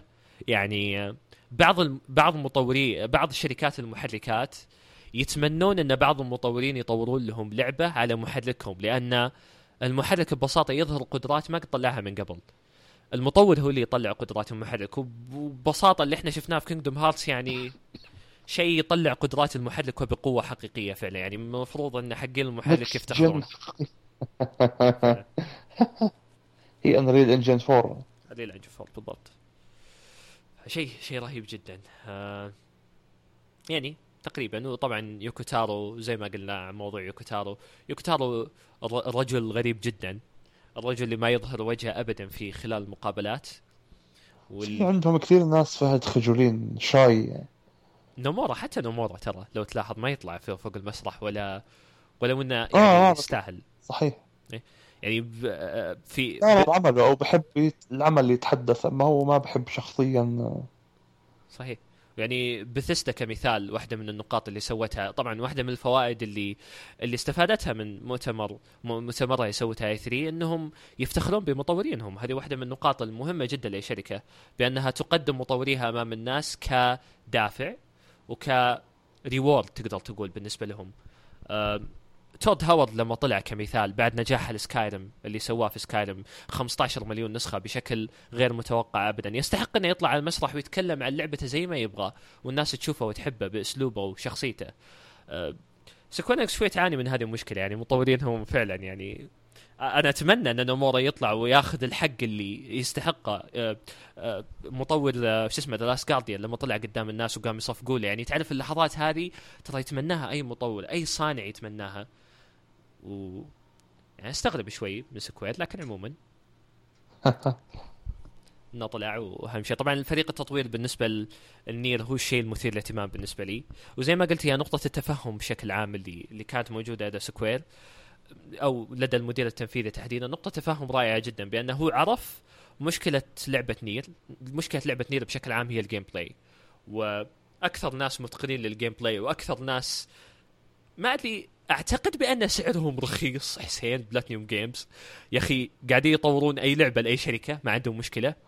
يعني لا هم Platinum Games فهد efficient يعني عندهم قدرة إنتاجية عالية. عرفت كيف؟ إيه؟ فأنت مثلا ممكن ممكن تروح لشركة معينة علشان تنتج لك لعبة تضطر تدفع رواتب 80 موظف عرفت كيف؟ إيه؟ اعملها عند Platinum Games نفس 40 موظف بيعطوك نفس النتيجة عرفت كيف؟ عندهم عندهم طاقة عمل عالية جدا وهم حكوا يعني أنا بتذكر قرأت مقابلة مع واحد من من من رؤساء بلاتينيوم حكى إنه طريقة التوظيف في الاستوديو صعبة. يعني بوظفوا الشخص اللي عنده القدرة. بحكي لك عارف مثلا لما تكون تعمل إشي وتوصل لمرحلة إنه خلص مش قادر انتهت كل طاقتك وبعدين لا بيكون في ناس بيرجعوا بيقدروا يكملوا بعد هاي المرحلة. بيحكوا لك إحنا بنوظف الأشخاص اللي بيقدروا يكملوا هاي المرحلة. عرفت كيف؟ يا ساتر. أوكي. فهم efficient هم على فكرة مش شركة كبيرة. يعني عندهم عندهم تقريبا 200 موظف بها يعني بهذا الحدود عرفت كيف؟ بس هم افيشنت في في العمل وأثبتوا نجاحهم وسرعتهم في العمل وهاي شغلة الشركات بتحبها يعني في الأخير بتحب إنها تتعاون مع طرف منتج عرفت كيف؟ صح وتحب انه فهذا هو سبب التعاونات الكثيرة ومن يعني منتجه ومتقنه في نفس الوقت عرفت كيف؟ صح بالضبط متقنة وكذلك في الوقت المناسب. طبعا هذه الشركات triple A تحب هذا الموضوع خصوصا أكتيفجن اللي فلتها ما شاء الله مع مع بلاتنيوم جيمز صارت كذا أي لعبة تعرف جانبية عندها قالت يلا يا بلاتنيوم يلا يا بلاتنيوم يعني عشانهم يجيبونها في الوقت المناسب دائما فهذه نقطة ممتازة. يلا خليهم يشتغلوا. والله يعني نير نير ب gameplay ممتاز بجانب ألحان أوكابي بجانب أشياء رائعة بتكون. يوكو تارو قصة قصته اللي ممكن يبنيها. يعني يوكو تارو كان يعاني من زمان كان يعاني من زمان بأن الفريق اللي وراه كان مشكلة. دائما يوكو تارو أنت لما تلعب ألعابه تشعر بانها مثيره للاهتمام بفكرها وبقصتها وسيناريو وقص... وقصتها واحداثها وكل شيء. إيه بس تعيسه جدا في ال gameplay ما أقول تعيسه وبس بل تعيسه جدا. دراكن جارد الجزء الثالث للأمانة كان... يمكن هو كمان يعني ما عنده إبداع في ال gameplay بقدر ما هو عنده إبداع فني كمان بالضبط. كمخرج. بالضبط. تماما. إبداع فني وسينمائي صراحة. عنده برضو إبداع سينمائي ممتاز جدا. عنده بعض اللحظات السينمائية اللي يصنعها اللي تشعر بأنها مختلفة شوي في عالم الالعاب عموما. تحس إنه يحاول يبدع. بس زي ما قلت من ناحية gameplay إن شاء الله يعني هذا الشيء مع بلاتينيوم جيمز بيصير بيصير شيء ممتاز. راح يتغير أكيد. أكيد. إن شاء الله. فهذه تعرف أنت تذكرتني بشغلة بخصوص سكوير الاستوديو الجديد شو رأيك؟ الاستوديو الجديد. والله ما ما في يعني ذيك المعلومات يعني. يعني ما في ذيك المعلومات صراحة اللي تقدر تتحدث عنها ما أدري. بس والله تجربة مثيرة للاهتمام على فكرة. تجربة الاستوديو الجديد يعني بشكل عام. آه خصوصا تعرف إنه الاستوديو في طوكيو. طوكيو يعني صراحة أنا صرت أتفائل بأي شيء بيجي من طوكيو بعد آه، الاستوديو اللي فتحته نينتندو في طوكيو اللي هم اللي عملوا ألعاب سوبر ماريو جالكسي آه okay في طوكيو عندهم يعني هم بوظفوا خريجين الجامعات الموجودين هناك أو الموظفين اللي عندهم خبرة عندهم artist أتوقع أفضل خريجين وأفضل artist في اليابان موجودين في طوكيو آه. عرفت كيف؟ فاختيار الاستوديو هناك يعني ما هو عملية عشوائية أبدا عرفت كيف؟ أتوقع هذا الاستوديو راح يضم كفاءات جدا كبيرة وصراحة متفائل يعني إنه هذا الاستوديو راح يطلع منه آه، شغل جيد خصوصا إنه الرسالة أنت شفت الرسالة اللي إيه حطوها على موقعهم؟ إيه بالضبط بالضبط شفتها. يعني برضه مثيرة للاهتمام إن هم راح يصنعوا لعبة تخاطب الجمهور القديم لل RPG وتجلب العناصر القديمة لل RPG. أتوقع عموما إنه لعبتهم هي حاليا دخلت في ال في ال في عملية الإنتاج بس سكوير يعني لسه ما بدها تعلن عنها لا زالت اللعبة في مرحلة مبكرة. إيه. فشوف شوف برضو إن شاء الله شو إيش بصير. يعني سكوير قاعد تشتغل من جميع الأطراف وهذا شيء ممتاز جدا. استديوهات جديدة وشغل جديد. شيء ممتاز للغاية. عندنا برضو أسئلة. أسئلة من من المتابعين. طبعا إحنا خلصنا خلاص ما عندنا شيء. أه، ما في بقى مؤتمر PC Gaming واللي كان بشيء كذا مخيس جدا ما كان في شيء. ف عندنا أسئلة من قبل المتابعين. نبدأ من وين؟ آه سألنا واحد عن هورايزن طبعا تكلمنا عن هورايزن آه Legendary Gamer سأل أسئلة كثيرة. خلي أقرأ رسالته يقول السلام عليكم. شباب أهني جميع الجميع بظهور الأساطير الثلاثة اللي اندثرت في قديم الأزل وأصبح حلم حقيقي. آه في نظريتين الأولى بخصوص ال remake حاليا ما شفنا غير عرض وفي احتمال أنها تكون remake بس فيلم CG. Okay. فيلم CG ينعرض على بلاي ستيشن 4 من إنتاج سوني زي ما صار أول. لازم أشوف gameplay عشان ما أطمن. الرجل ما عنده أي ثقة حتى الحين. Okay. Okay.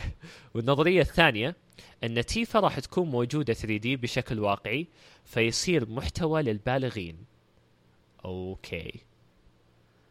آه يعني يمكن قصدي على شم ملابسها يعني أو شيء معين؟ آه نعم أكيد. مم. طبعا الأمور بتتغير تماما. آه إيه وهذه واحدة من الأمور اللي قلتها قبل شوي ان موضوع نقطة نقطة الفنية الحالة الفنية بأن الحالة الفنية في عالم الألعاب لما تتجدد فالتجديد فيها يكون تجديد متكامل وشيء يصير مختلف تماما. يعني تجربتنا لعبة فاينل فانتسي 7 أثناءها أثناء ما كانت أصلية بتكون مختلفة تماما عن التجربة اللي راح تكون في ال remake.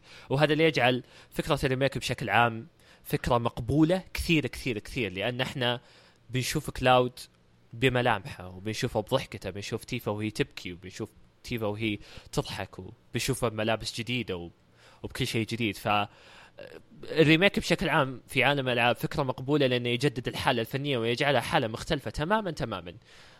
وهذا ال... يعني ما أدري والله ممكن برضو يصير محتوى بالغين الله أعلم. بصراحة أنا أتفق معك يعني الملابس اللي موجودة في الجزء الأصلي كانت بس طبعا عشان ال graphics يعني ما كان يبرز شيء فكان الموضوع عادي. هم Square من هاي الناحية. يعني هاي شغلة موجودة في ألعابهم دائما سندي موجودة في Final Fantasy 15 أكيد أكيد. مش راح يعني تختلف كثير صراحة. يعني زي ما تقول هو عموما هي ثقافة عموما غربية يعني وللأسف يعني لابد أنها تكون موجودة في كل لعبة. وسبحان الله حسين. كمان على فكرة. وسبحان الله حسين اقطع كلامك. يعني هذه النقطة كنت بقولها. صرت الآن وبشكل مثير للشفقة بصراحة صرت الآن لما أتابع أي أنمي أشوف تصنيفاته قبل ما أتابعه وللأسف يفاجئني بأن الأنمي نفسه غير عن التصنيفات. يعني صارت الأمور اللي مثل كذا الملابس المتعرية وهذه الأشياء صارت أشياء عادية ما لها علاقة بالتصنيفات. يعني تعرف الأنمي عادي إنه يكون في تعري ما له داعي إنه ينذكر في ال... إي يعني ما له داعي إنه ينذكر في التصنيف إنه متعري. لا صار الموضوع عادي. صار الموضوع جزء من الفن يعني تقدر تقول. والله يا فهد هاي الأشياء أو هاي العناصر قاعدة بتزيد بشكل مرعب في كل الثقافات صراحة. يعني خرجت عن الحدود. يعني ما مش عارف. خرجت عن الحدود تماما. السيطرة عليها صارت مستحيلة يعني. صحيح. صار يعني صاروا يعتمدون بشكل كبير. الأنميات عموما يعني هذا المزعج في الموضوع. صاروا يعتمدون على التزين بشكل مبالغ فيه و... والكاميرا لازم تنوضع تحت والأماكن كذا علشان يجيبون المتابعين وفعلا في متابعين يعني للاسف هذا الأمر قاعد يتزايد. يعني أتذكر أول حسين لما يكون الأنمي فيه كلمات معينة في التصنيفات أقول أوه okay بيكون في مشهد مشهدين بهذا الشكل. الآن الأنمي العادي صار فيه مشهد مشهدين طبيعي جدا. آه صحيح نعم. ف... برضو يقول السؤال الأول سبب اختيار Fantasy remake 7 من وجهة نظرك؟ أعتقد تكلمنا عن هذا الموضوع إن مسألة انه remake أو الجزء السابع عموما كان هو البداية ف يعني يحتاج يحتاج أكثر من غيره. هو الأكثر شعبية أيضا اي الأكثر شعبية والأكثر مبيعا. والأكثر إمكانية حتى لل remake الأكثر حاجة لل remake بالضبط. آه السؤال الثاني يقول وش تفضل راح يكون خريطة عالم ولا عالم مفتوح؟ الخريطة أتوقع أنها تكون عبارة عن مناطق نوعا ما مقسم عرفت كيف؟ إيه؟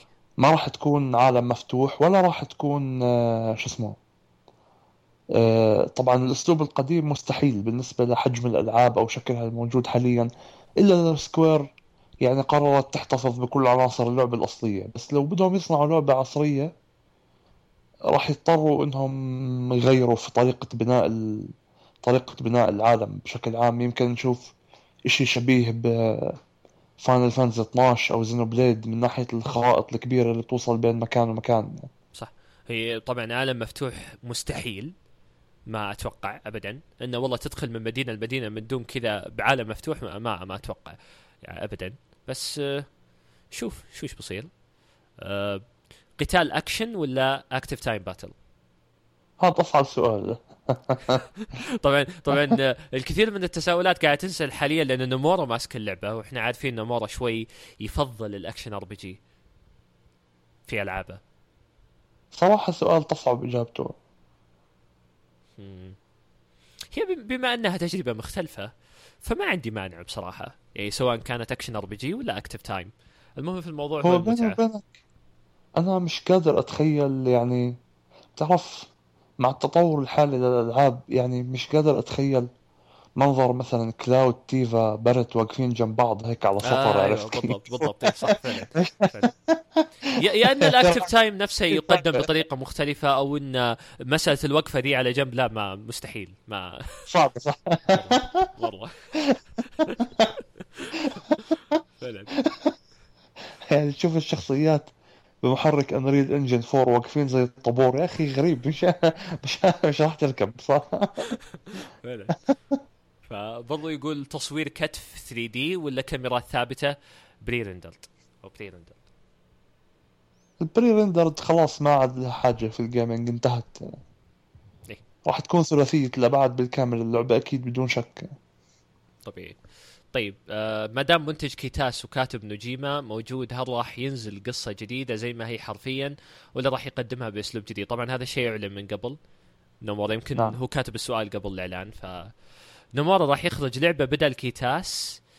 يخرج اللعبة بدل كيتاسي. إيش تتوقع يكون مناسب نظرته الجدية مثل Advent Children ولا راح يوازن ما بين الاثنين؟ نمورا هو في الأصل صح إنه كان مصمم شخصيات الجزء السابع الأصلي لكنه كان مشارك في عملية تطوير اللعبة وكان قريب من كيتاسي ومتواصل معاه دائما ونمورا كان فعليا وراء بعض العناصر القصصية المشهورة في اللعبة مش كيتاسي يعني فعليا. أوه okay. interesting يعني نقدر نقول إن الأمور بتبقى على حالها بما إن الفكر اللي كان موجود في اللعبة من من قبل نومورا أم، برضو السؤال الخامس الأخير. حاليا نومورا يخرج لعبتين Final Fantasy 7 Remake و Kingdom Hearts 3 هل راح تتكرر غلطة Versus؟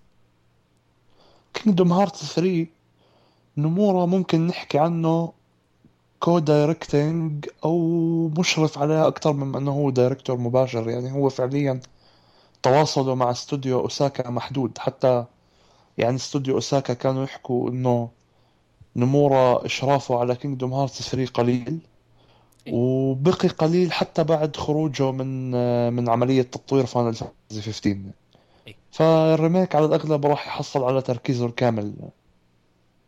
okay. مع آه. تركيز مع إخراج تاي ياسوي ل Kingdom Hearts 3 تمام. okay. يعني إن شاء الله الغلطة ما راح تتكرر بإذن الله.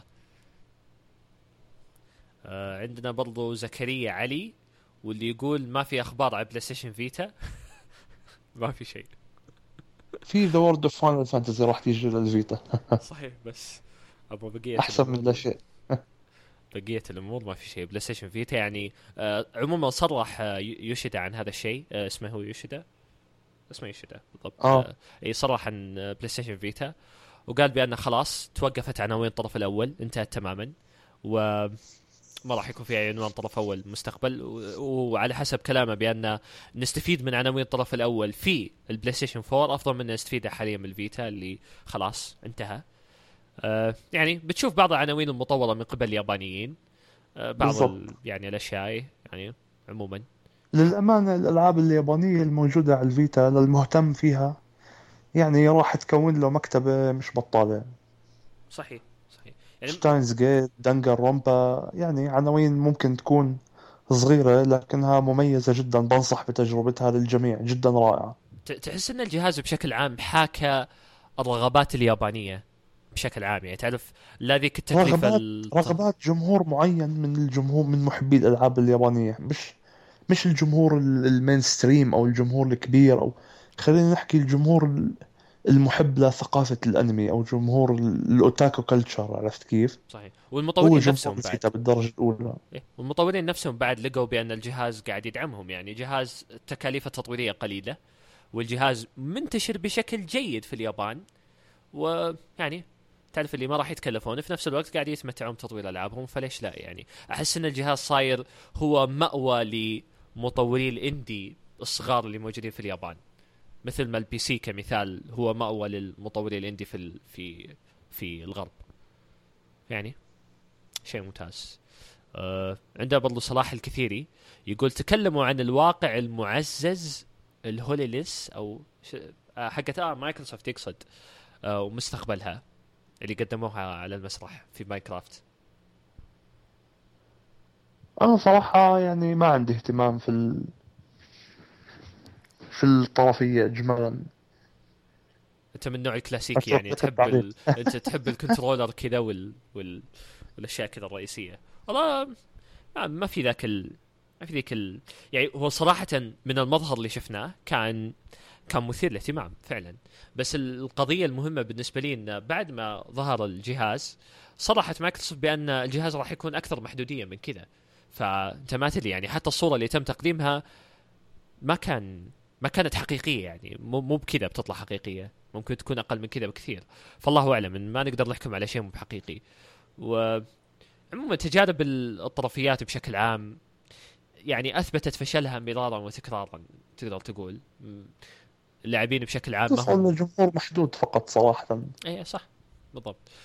يعني الفكرة بشكل عام حسين يعني مثيرة للاهتمام جدا لعالم الألعاب لأنها تمثل بعض الخيال اللي ممكن يكون موجود في بال بعض المطورين. يعني كمثال لو مثلا طبقت في هذا الجهاز الطرفي لعبة يوغيو كمثال تتخيل معي كيف بتكون؟ بتكون شيء رهيب جدا. إنه والله مثلا نعم عنده مشروع للواقع الافتراضي. و... نام... إيه، بس هذه كونامي تتكلم عن يوغي تحديدا. يعني ب... لا بعرف بس أنا تعرف ليش ذكرت آه، نامكو؟ عشان حديثنا قبل شوي عن موضوع ال otaku culture آه آه okay okay. قصدك يعني ممكن يكون في شيء يعني. والله. هي لعبتها أو مشروعهم هو اسمه Summer Lessons أو إشي زي هيك. تتفاعل فيه مع high school girl عرفت كيف؟ آها آه okay okay. على بالي لعبة زي الناس يعني أنا تحمستها okay. ف لا بس يعني بي بيكون شيء مثير للاهتمام يعني في بعض الألعاب وأفكارها كمثال لعبة يوغي كمثال لما تحط البطاقة ويطلع الوحش قدامك ويهاجم الوحش اللي اللي قدامه في البطاقة الثانية. يعني تعرف بعض التفاعلات اللي بتكون موجودة في عالم الألعاب بتكون بصورة واقعية ترفيهية حلوة جدا. آه، لو لو فعلا قدمت في هذا الجهاز إذا كان تقديمه ممتاز جدا. بس ما عدا ذلك بصراحة أنا ماني شايف ماني شايف هذاك الشيء. عالم العاب يظل شاشة وكنترولر إلى الآن يعني على الأقل. بس فقط يعني لا غير. ف هذه حلقتنا. حسين الله يعطيك ألف ألف ألف عافية. ما قصرت اليوم على وجودك اولا. الله يعافيك. و... شكرا فهد يعطيك العافية. الله يعافيك. وتعبناك. خليناك لا ابدا. خليناك تصوم وتسجل في نفس الوقت لأول مرة. ف ما قصرت على وجودك. طبعا للي حاب إنه يتابع حسين الموسى حسين الموسى عنده كتابات كثيرة مقالات. أيضا يشارك في منتدى True Gaming للي حاب إنه يشوفه. حسين خط 11 okay للي حاب إنه يشوف مشاركاته واللي يشوف اراءه ف يعطيك العافية مرة ثانية. نشوفكم إن شاء الله في الحلقة الجاية. الله يعافيك. شكرا. الأسبوع الجاي. يلا شكرا على خير.